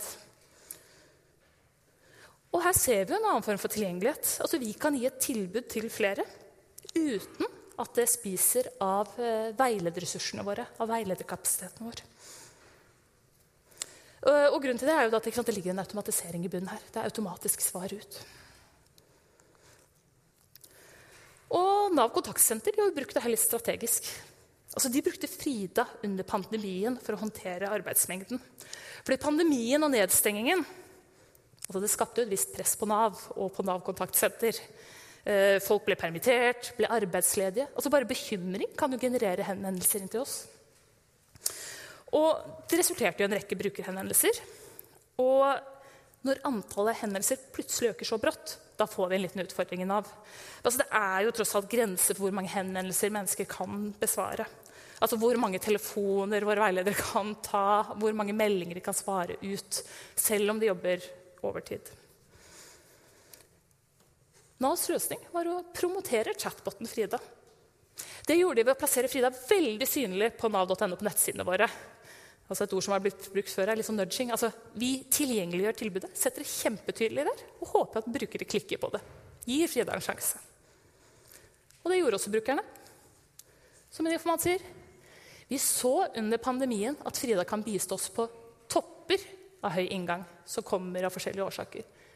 F.eks. For hvis det var nye regler om pandemien, kunne den dempe totalbelastningen. Sagt på en annen måte hvis problemet vårt er en uendelig etterspørsel, så har vi her et svar. Vi har noe som kan gi en uendelig kapasitet. Altså noe som kan svare ut disse toppene her. Og jeg har med et sitat som eh, illustrerer det også.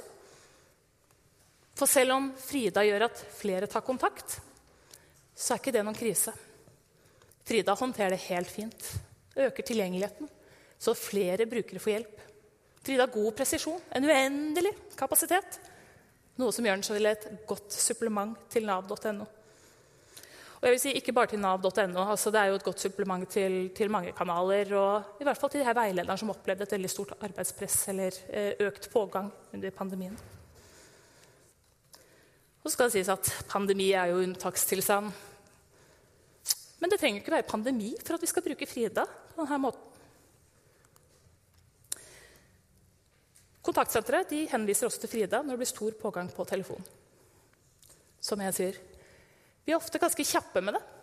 Hvis det er veldig lang kø, og legge inn talemeldinger, så kan tipse om at du kan prøve Frida. Der får du svar med en gang. Men det kommer selvfølgelig litt an på hva slags type henvendelse det er. Altså Hvis det er noe som Frida kan svare på eller ikke. Det kan også sendes ut SMS mens folk er i kø, med tips om å prøve Frida for å få køene på telefonen litt ned. Disse talemeldingene, altså det man gir en beskjed mens folk står i, i telefonkø, ja, de kan brukes til å, til, til å sant, snakke om Frida, men man kan også bruke dem til å gi informasjon. Og det gjør kontaktsenteret. Si at det skjer et eller annet. Det er en eller annen form for henvendelse og plutselig skaper en kjempepågang på Nav. Det kan være, altså Typisk tilfelle her er jo at eh, det er en forsinkelse i utbetaling. Altså da, det, det, kan fort skape en liten telefonstorm. Om eh, Nav da finner ut hva som har skjedd, og sant, klarer å, å, formulere dette i form av talemelding, så kan man sant, gi ut denne informasjonen mens folk står på telefonen og venter i kø. Og hva skjer hvis de får svar på spørsmålet sitt? ja, da er det ikke gitt at de blir slentne på telefonen. Da kan man måtte legge på. Vi kan være med på å håndtere noe av etterspørselen her.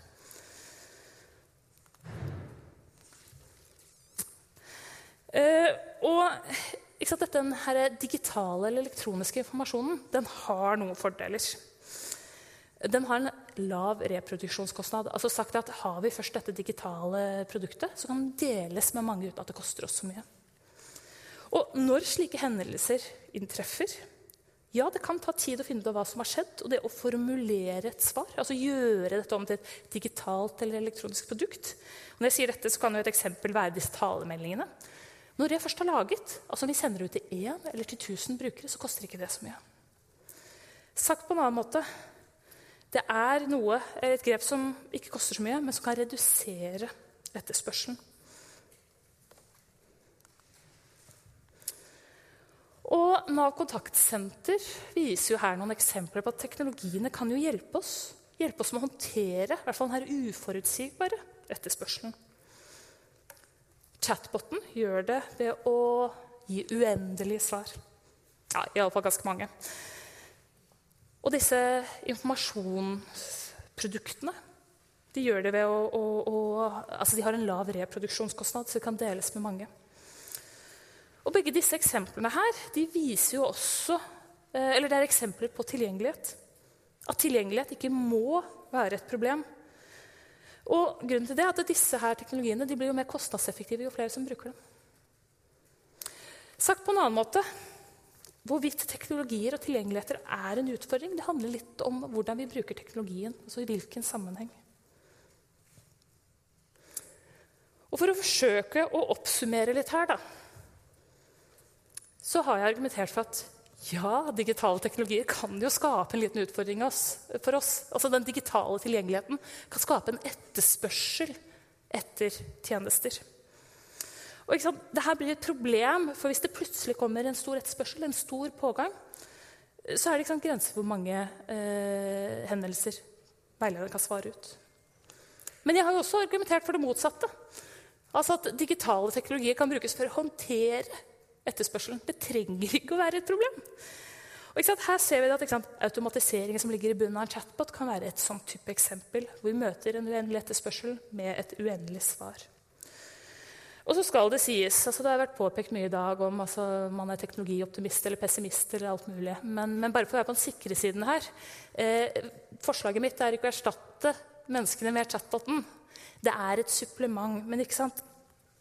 Alle som har prøvd en chatbot, vet at den er god på noe, men ikke på alt. Eh, men den kan være en ganske god støtte i å avlaste veilederne våre i Nav. Så det jeg argumenterer for, er å finne en riktig balanse mellom mennesker og teknologi. Og Med det så, så takker jeg for oppmerksomheten og åpner opp for eventuelle spørsmål.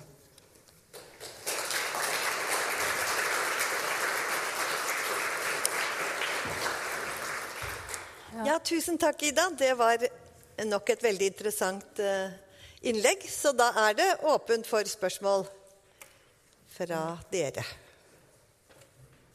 Jeg jobber i offentlig sektor i effektiviseringens navn, så tenkte jeg skulle være igjen ti minutter til eh, spørsmål. Nettopp.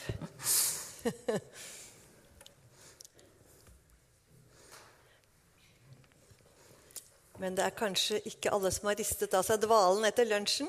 Og de sparer dem til Maria som kommer etter meg. Ikke sant? Det gjør vi. Så da sier jeg tusen takk med en engel. Tusen hjertelig.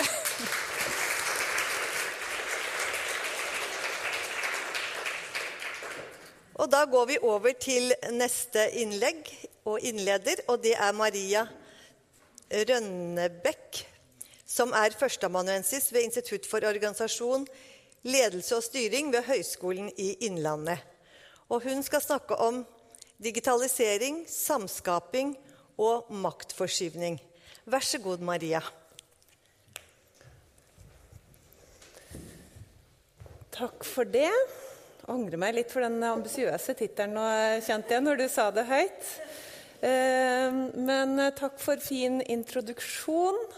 Eh, og takk for invitasjonen til å snakke her på denne veldig interessante konferansedagen.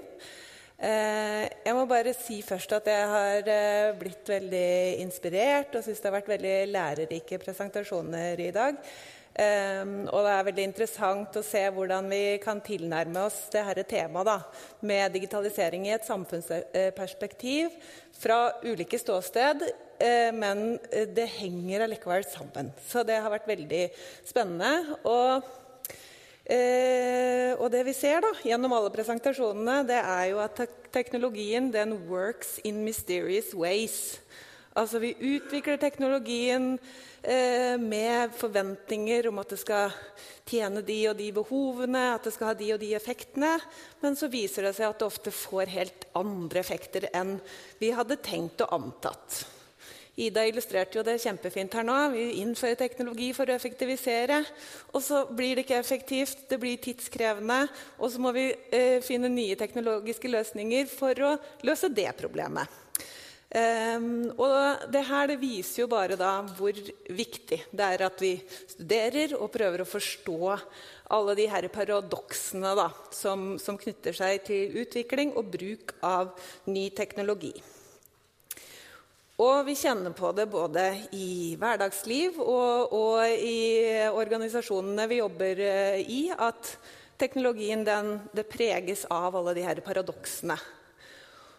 Og eh, samfunnsvitenskapen har vært litt sent ute, litt seine på ballen, eh, føler jeg, i forhold til å komme inn og fortolke, forstå, studere teknologien. Eh, det er så åpenbart at det preger eh, alt vi gjør, måten vi samhandler på, eh, måten vi jobber på, måten vi tenker på, er prega av den herre alt tilstedeværende teknologien.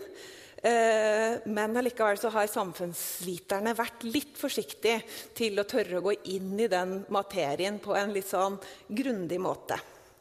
Eh, men nå begynner det å komme flere studier, eh, og, vi har fått mange gode eksempler på spennende prosjekter her i dag.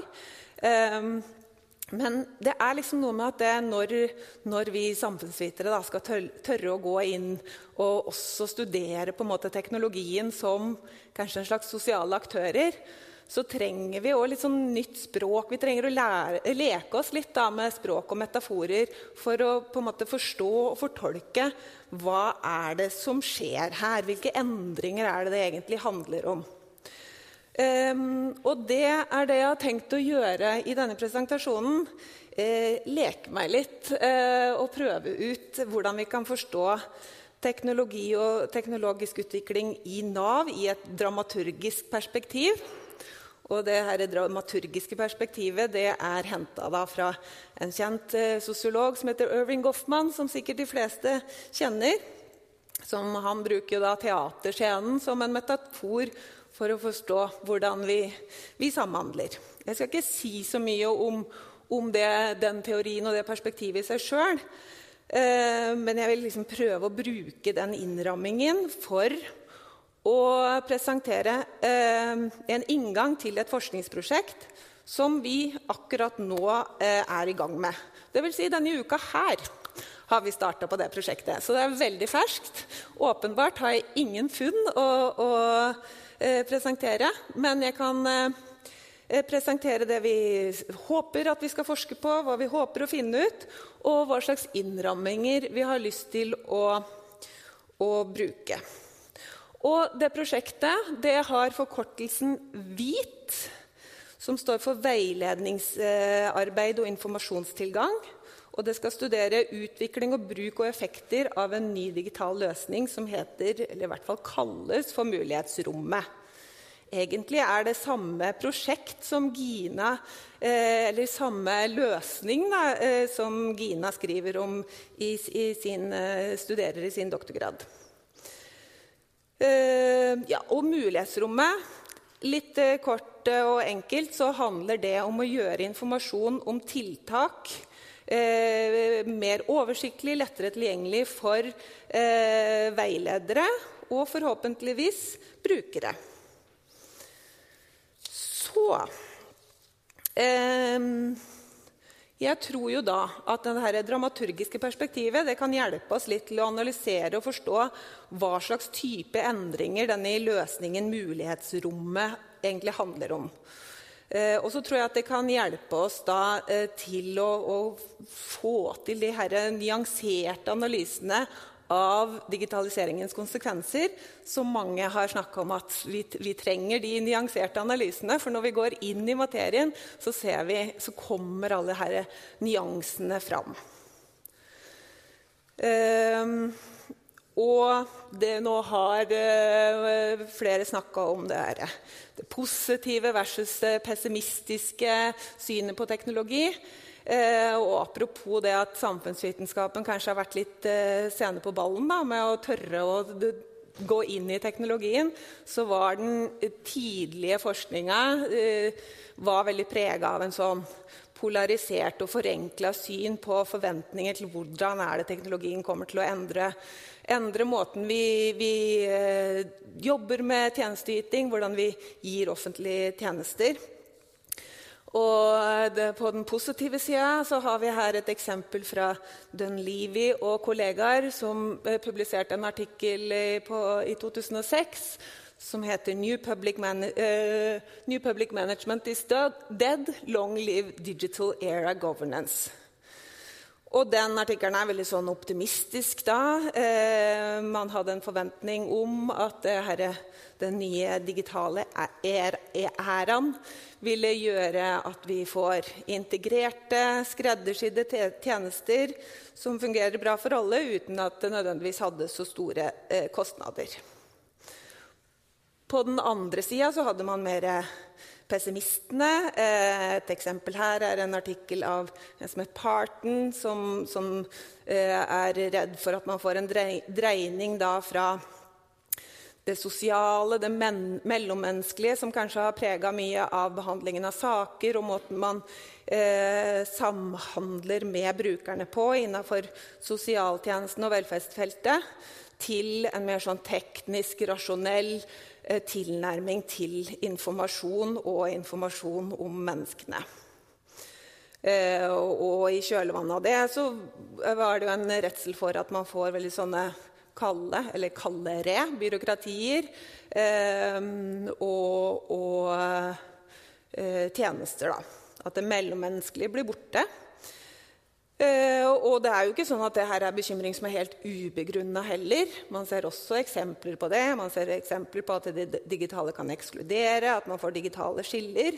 Poenget er vel at uh, historien er mer nyanserte, uh, og at det er et mer sammensatt bilde. da. Så da trengs det da empiriske studier som kan bidra til å sette sammen alle de her brikkene i puslespillet som kanskje gir oss et helhetlig bilde da, på sikt. Så da kan vi jo håpe på at dette prosjektet om eh, veiledningsarbeid og, og, informasjonstilgang kan være én måte eh, som vi, vi eh, kan bidra til å pusle det puslespillet.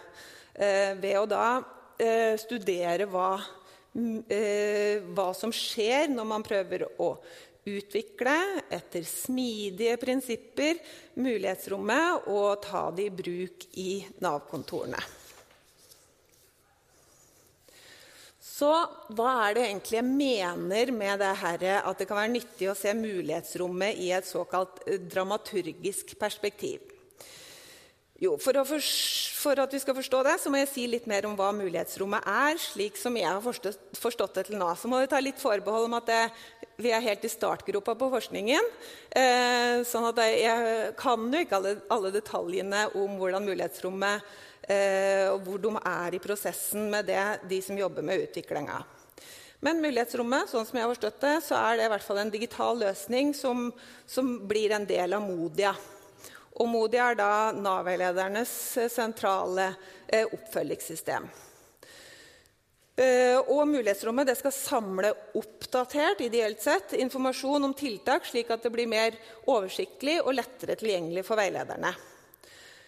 Og det her det skal svare på langvarige utfordringer da, med at informasjon om tiltak har vært fragmentert, tilgjengelig i ulike systemer, både digitalt og manuelt.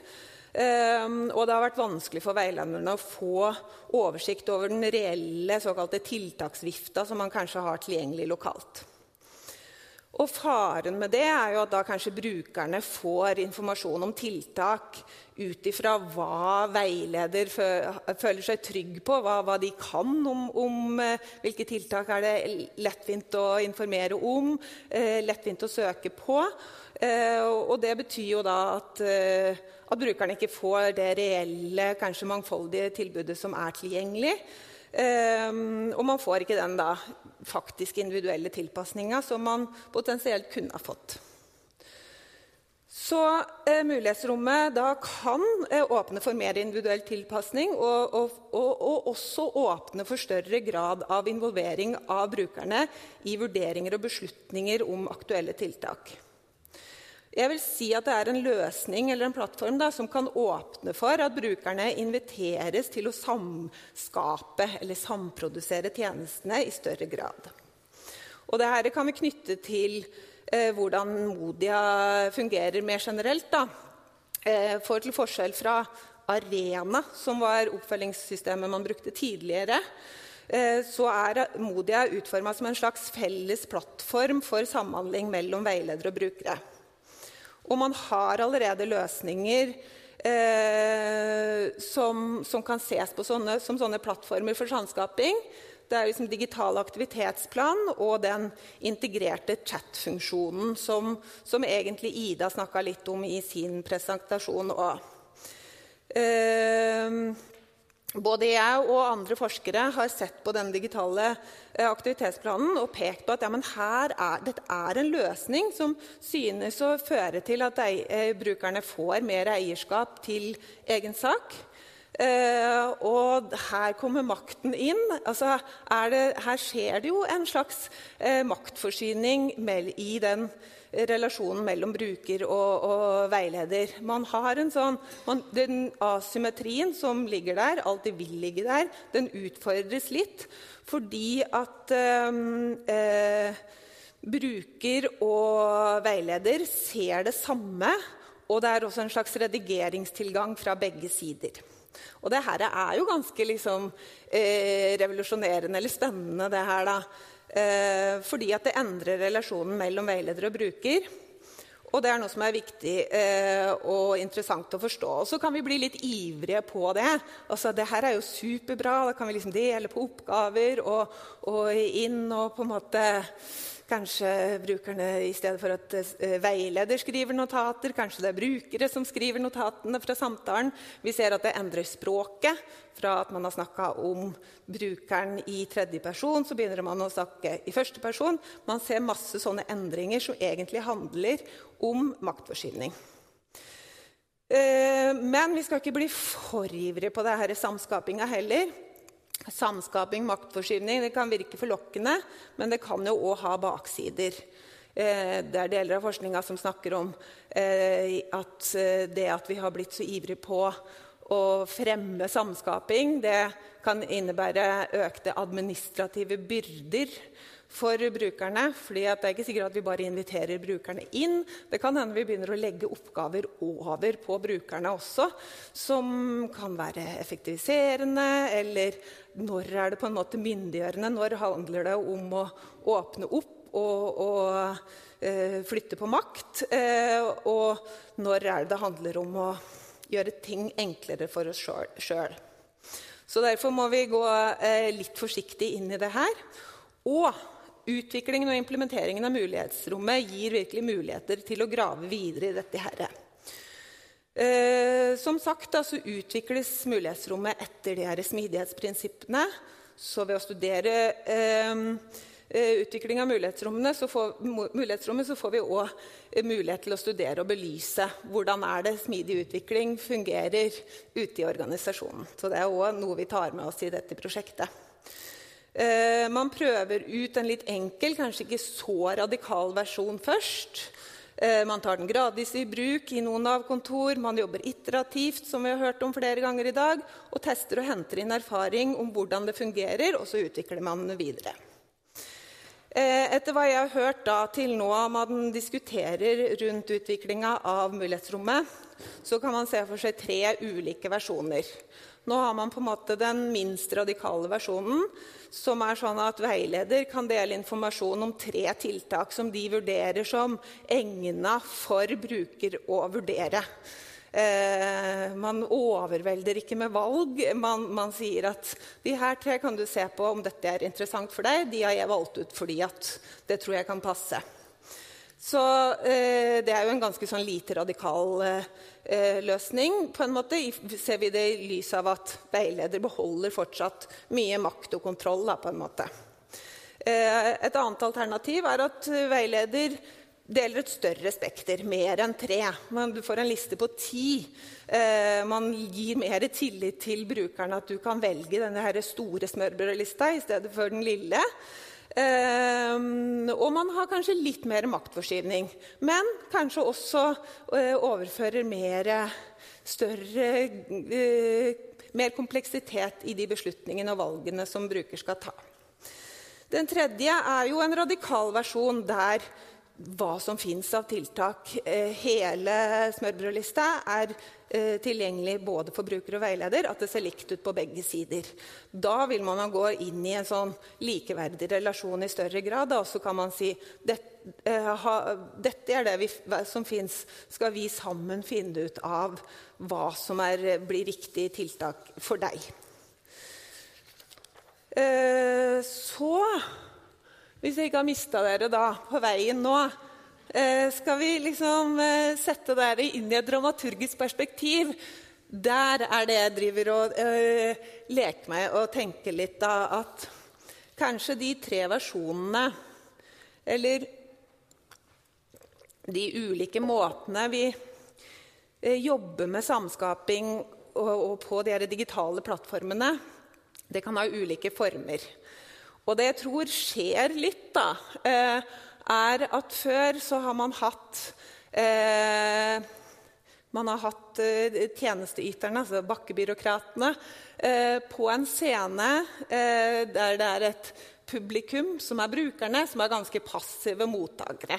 Det er på scenen det skjer, eller kanskje i enda større grad så skjer mye backstage. Altså det skjer i lukka administrative, byråkratiske arbeidsprosesser som ikke er synlige for, eh, for brukerne.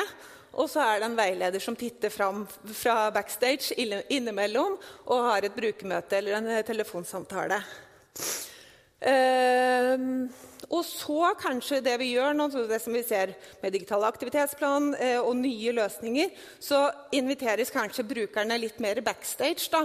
Altså de inviteres litt, de, de, Det som har vært foregått bak, eh, bak sceneteppet, det blir mer synlig. Eh, og man samhandler mer om det, da, ideelt sett. Så da har man kanskje en sånn Begynner man å lage showet eller tjenestene da sammen. Eh, var det noen som var på Coldplay i sommer? Noen som nikker. Og de som ikke var der, de har i hvert fall fått med seg at konserten, eh, de konsertene har skjedd i sosiale medier, for det var nesten ikke mulig å unngå.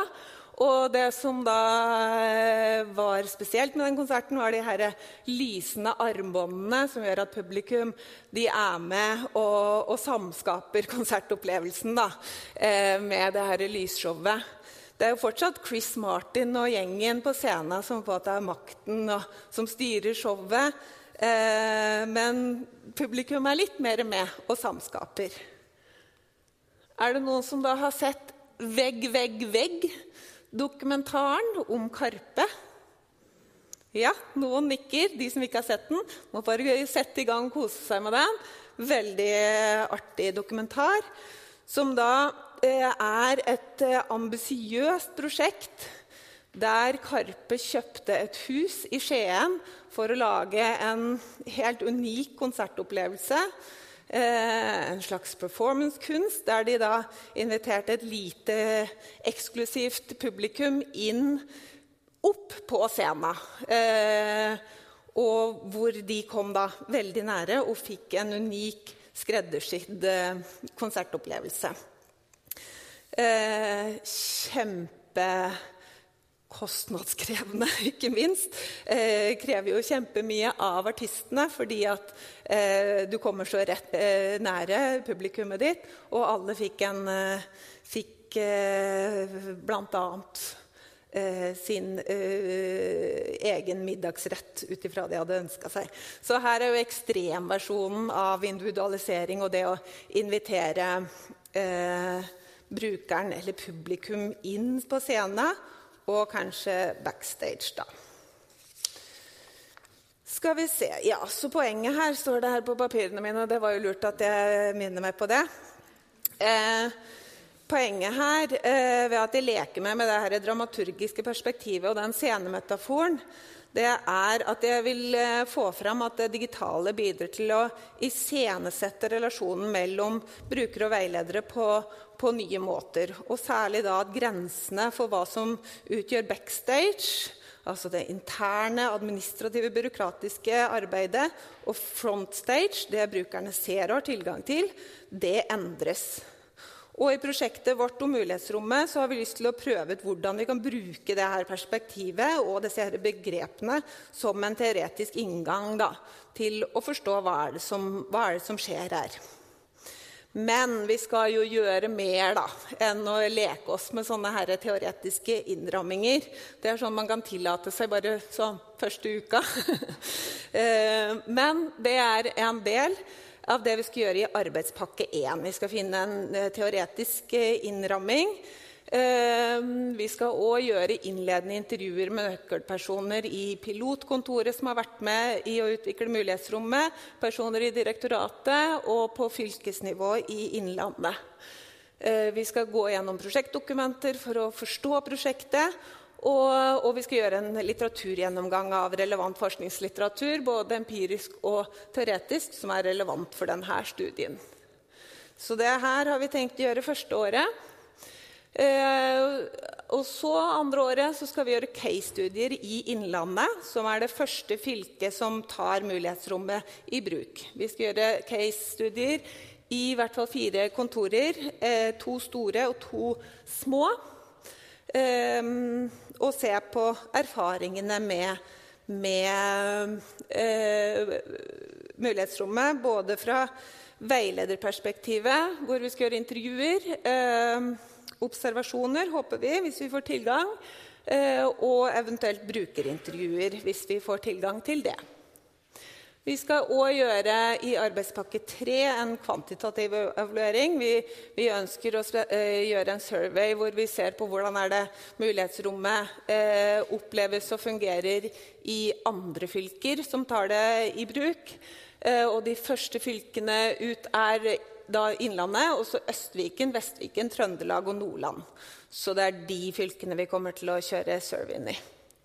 Og vi skal òg gjøre analyser basert på registerdata og se på om, hvis det er mulig, og se på er det noe sammenheng mellom at man tar det her eh, nye løsningen i bruk, og hvordan ja, eh, gir det en økt overgang til arbeid, gjør det at tiltakene brukes på nye måter. Ja. Det var egentlig det jeg skulle si. Ehm, vi har lagd en prosjektnettside. Så eh, den fikk jeg ikke med før vi sendte inn, for den lagde vi i går. Men eh, hvis noen vil følge dette prosjektet, så har vi en prosjektnettside som dere kan eh, følge. Jeg kan dele den på LinkedIn-profilen min, så dere kan hente den der.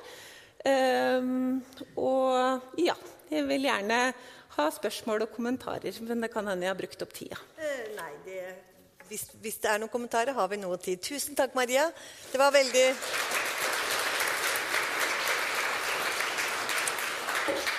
var et spennende innlegg, og så er det et spennende prosjekt som dere er i gang med, så vi må jo få lov å følge det løpende. Så du må komme tilbake.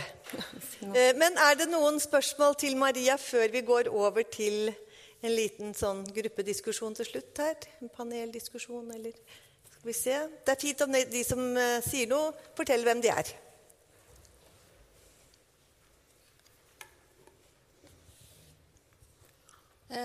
Eh, Tagny Dahl-Jørgensen eh, fra NTNU, Instituttet for datateknologi og informatikk. Eh, tusen takk, Maria, for en utrolig interessant eh, visjon. Jeg føler du toucher inn på så veldig mange sånne store spørsmål når du snakker om um, samskaping og makt. ikke sant? Jeg, tenker, jeg får så mange tanker. For jeg er veldig interessert i, i mye av det samme. Um, så tenker litt Hva er visjonen for tilbake til bruker? Kanskje mer Hva, hva tenker eh, dere i prosjektet kan være eh, givende tilbake til bruker? For jeg tenker Hvis vi skal snakke om samskaping og vi skal snakke om maktforskyvning, så må vi også tenke liksom, what's in it for, for bruker. Så, ja. Veldig stort, åpent spørsmål. Eh, takk for eh, godt og vanskelig spørsmål. Jeg tror jo at eh, eh det er det vi må liksom eh, gå litt djupt inn i det. Og fordi at det, det, den første innskytelsen Når jeg liksom fikk de her, begynte å på en måte snuse på de her tre måtene man kan tenke at mulighetsrommet kan se ut, hvor radikalt skal det være, hvor mye tillit skal vi ha til brukeren, tenker man ja, men skal vi ikke bare gå rett på på alternativ tre? Bør det ikke være så demokratisk, så transparent? Eh, er ikke det det beste, er ikke det det beste i forhold til brukeren? Eh, men kanskje på et sånn prinsipielt teoretisk nivå. Men, men, når man ser på realitetene, så fordi at eh, det, er, det, er, litt som at ja, men, Jeg valgte ut tre tiltak for deg, litt som man gjør med unger. Vil du ha leverpostei eller vil du ha brunost? Eh, at man ikke har den tilliten til at bruker sjøl er i posisjon til å ta, ta stilling til hele den smørbrødlista. Men det er ikke sikkert at det er det beste. For det kan hende at er du i en sårbar situasjon. Er du sjuk, du har mye annet du trenger å sortere, så kanskje det er for overveldende eh, å ta stilling til hele smørbrødlista. Kanskje du trenger den kvalitetssikringa eller den vurderinga som veileder har gjort. Eh, kanskje du trenger den hjelpa, men, men, eh, det viser på en måte hvor viktig veilederne er, da, og viktig deres rolle og den fagkompetansen til å kunne hjelpe brukere til å gjøre gode vurderinger. Men det vi må grave i det prosjektet, er, er de der uh, ulike scenarioene, på en måte, og hvilke hensyn er det vi ivaretar i ulike modeller. Og forhåpentligvis kan forskninga vår hjelpe Nav da, til å gjøre de vurderingene og komme fram til gode beslutninger. Mm. Ja, vær så god. Takk. Vær så god. Det var ja. ja, det er Parastu Mohagagi. Jeg jobber i Nav IT-avdeling. Og dette er spørsmål til deg, men egentlig vi bør kunne svare det selv. Så jeg lurer, Du nevnte at det er likheter mellom det du ser på, og digital aktivitetsplan. Har du fått data fra, fra Nav om digital aktivitetsplan? Hvilken effekt har den hatt på valg for brukere? Jeg sjøl har gjort noen intervjuer blant veiledere og noen få brukere, som viser at det kommer an på hva slags situasjon du er i, hvordan det, om det fungerer, om du opplever at du kommer nærmere eller om du kommer lenger unna. Eh, men Proba samfunnsanalyse har jo gjort en eh, større evaluering. Eh, og ja, det er en kollega av oss som har gjort intervjuer fra veilederperspektivet. da. Så det fins data? Det fins studier på digital aktivitetsplan. Mm. Takk. Takk. Er det noen flere som har kommentarer til Maria? Der bak.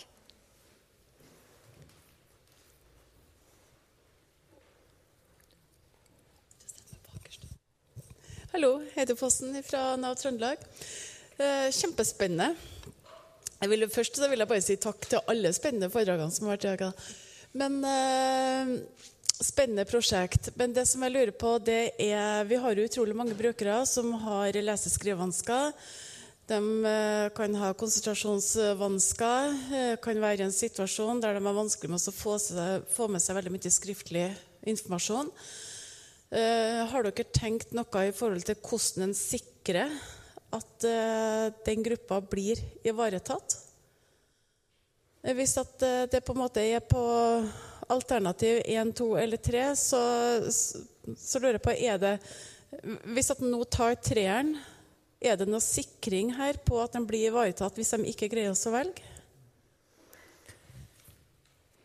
Eh, Jeg vet jo ikke nok. Det er sikkert andre i salen her som allerede vet mer om eh, hvilke diskusjoner man har stått i internt når man har utvikla mulighetsrommet, men jeg tror alternativ 3 er ganske langt unna. Eh, Man kan jo se for seg at, eh, ha, at det vil være sånn at man eh, gir eh, veiledere på en måte rollen i å velge.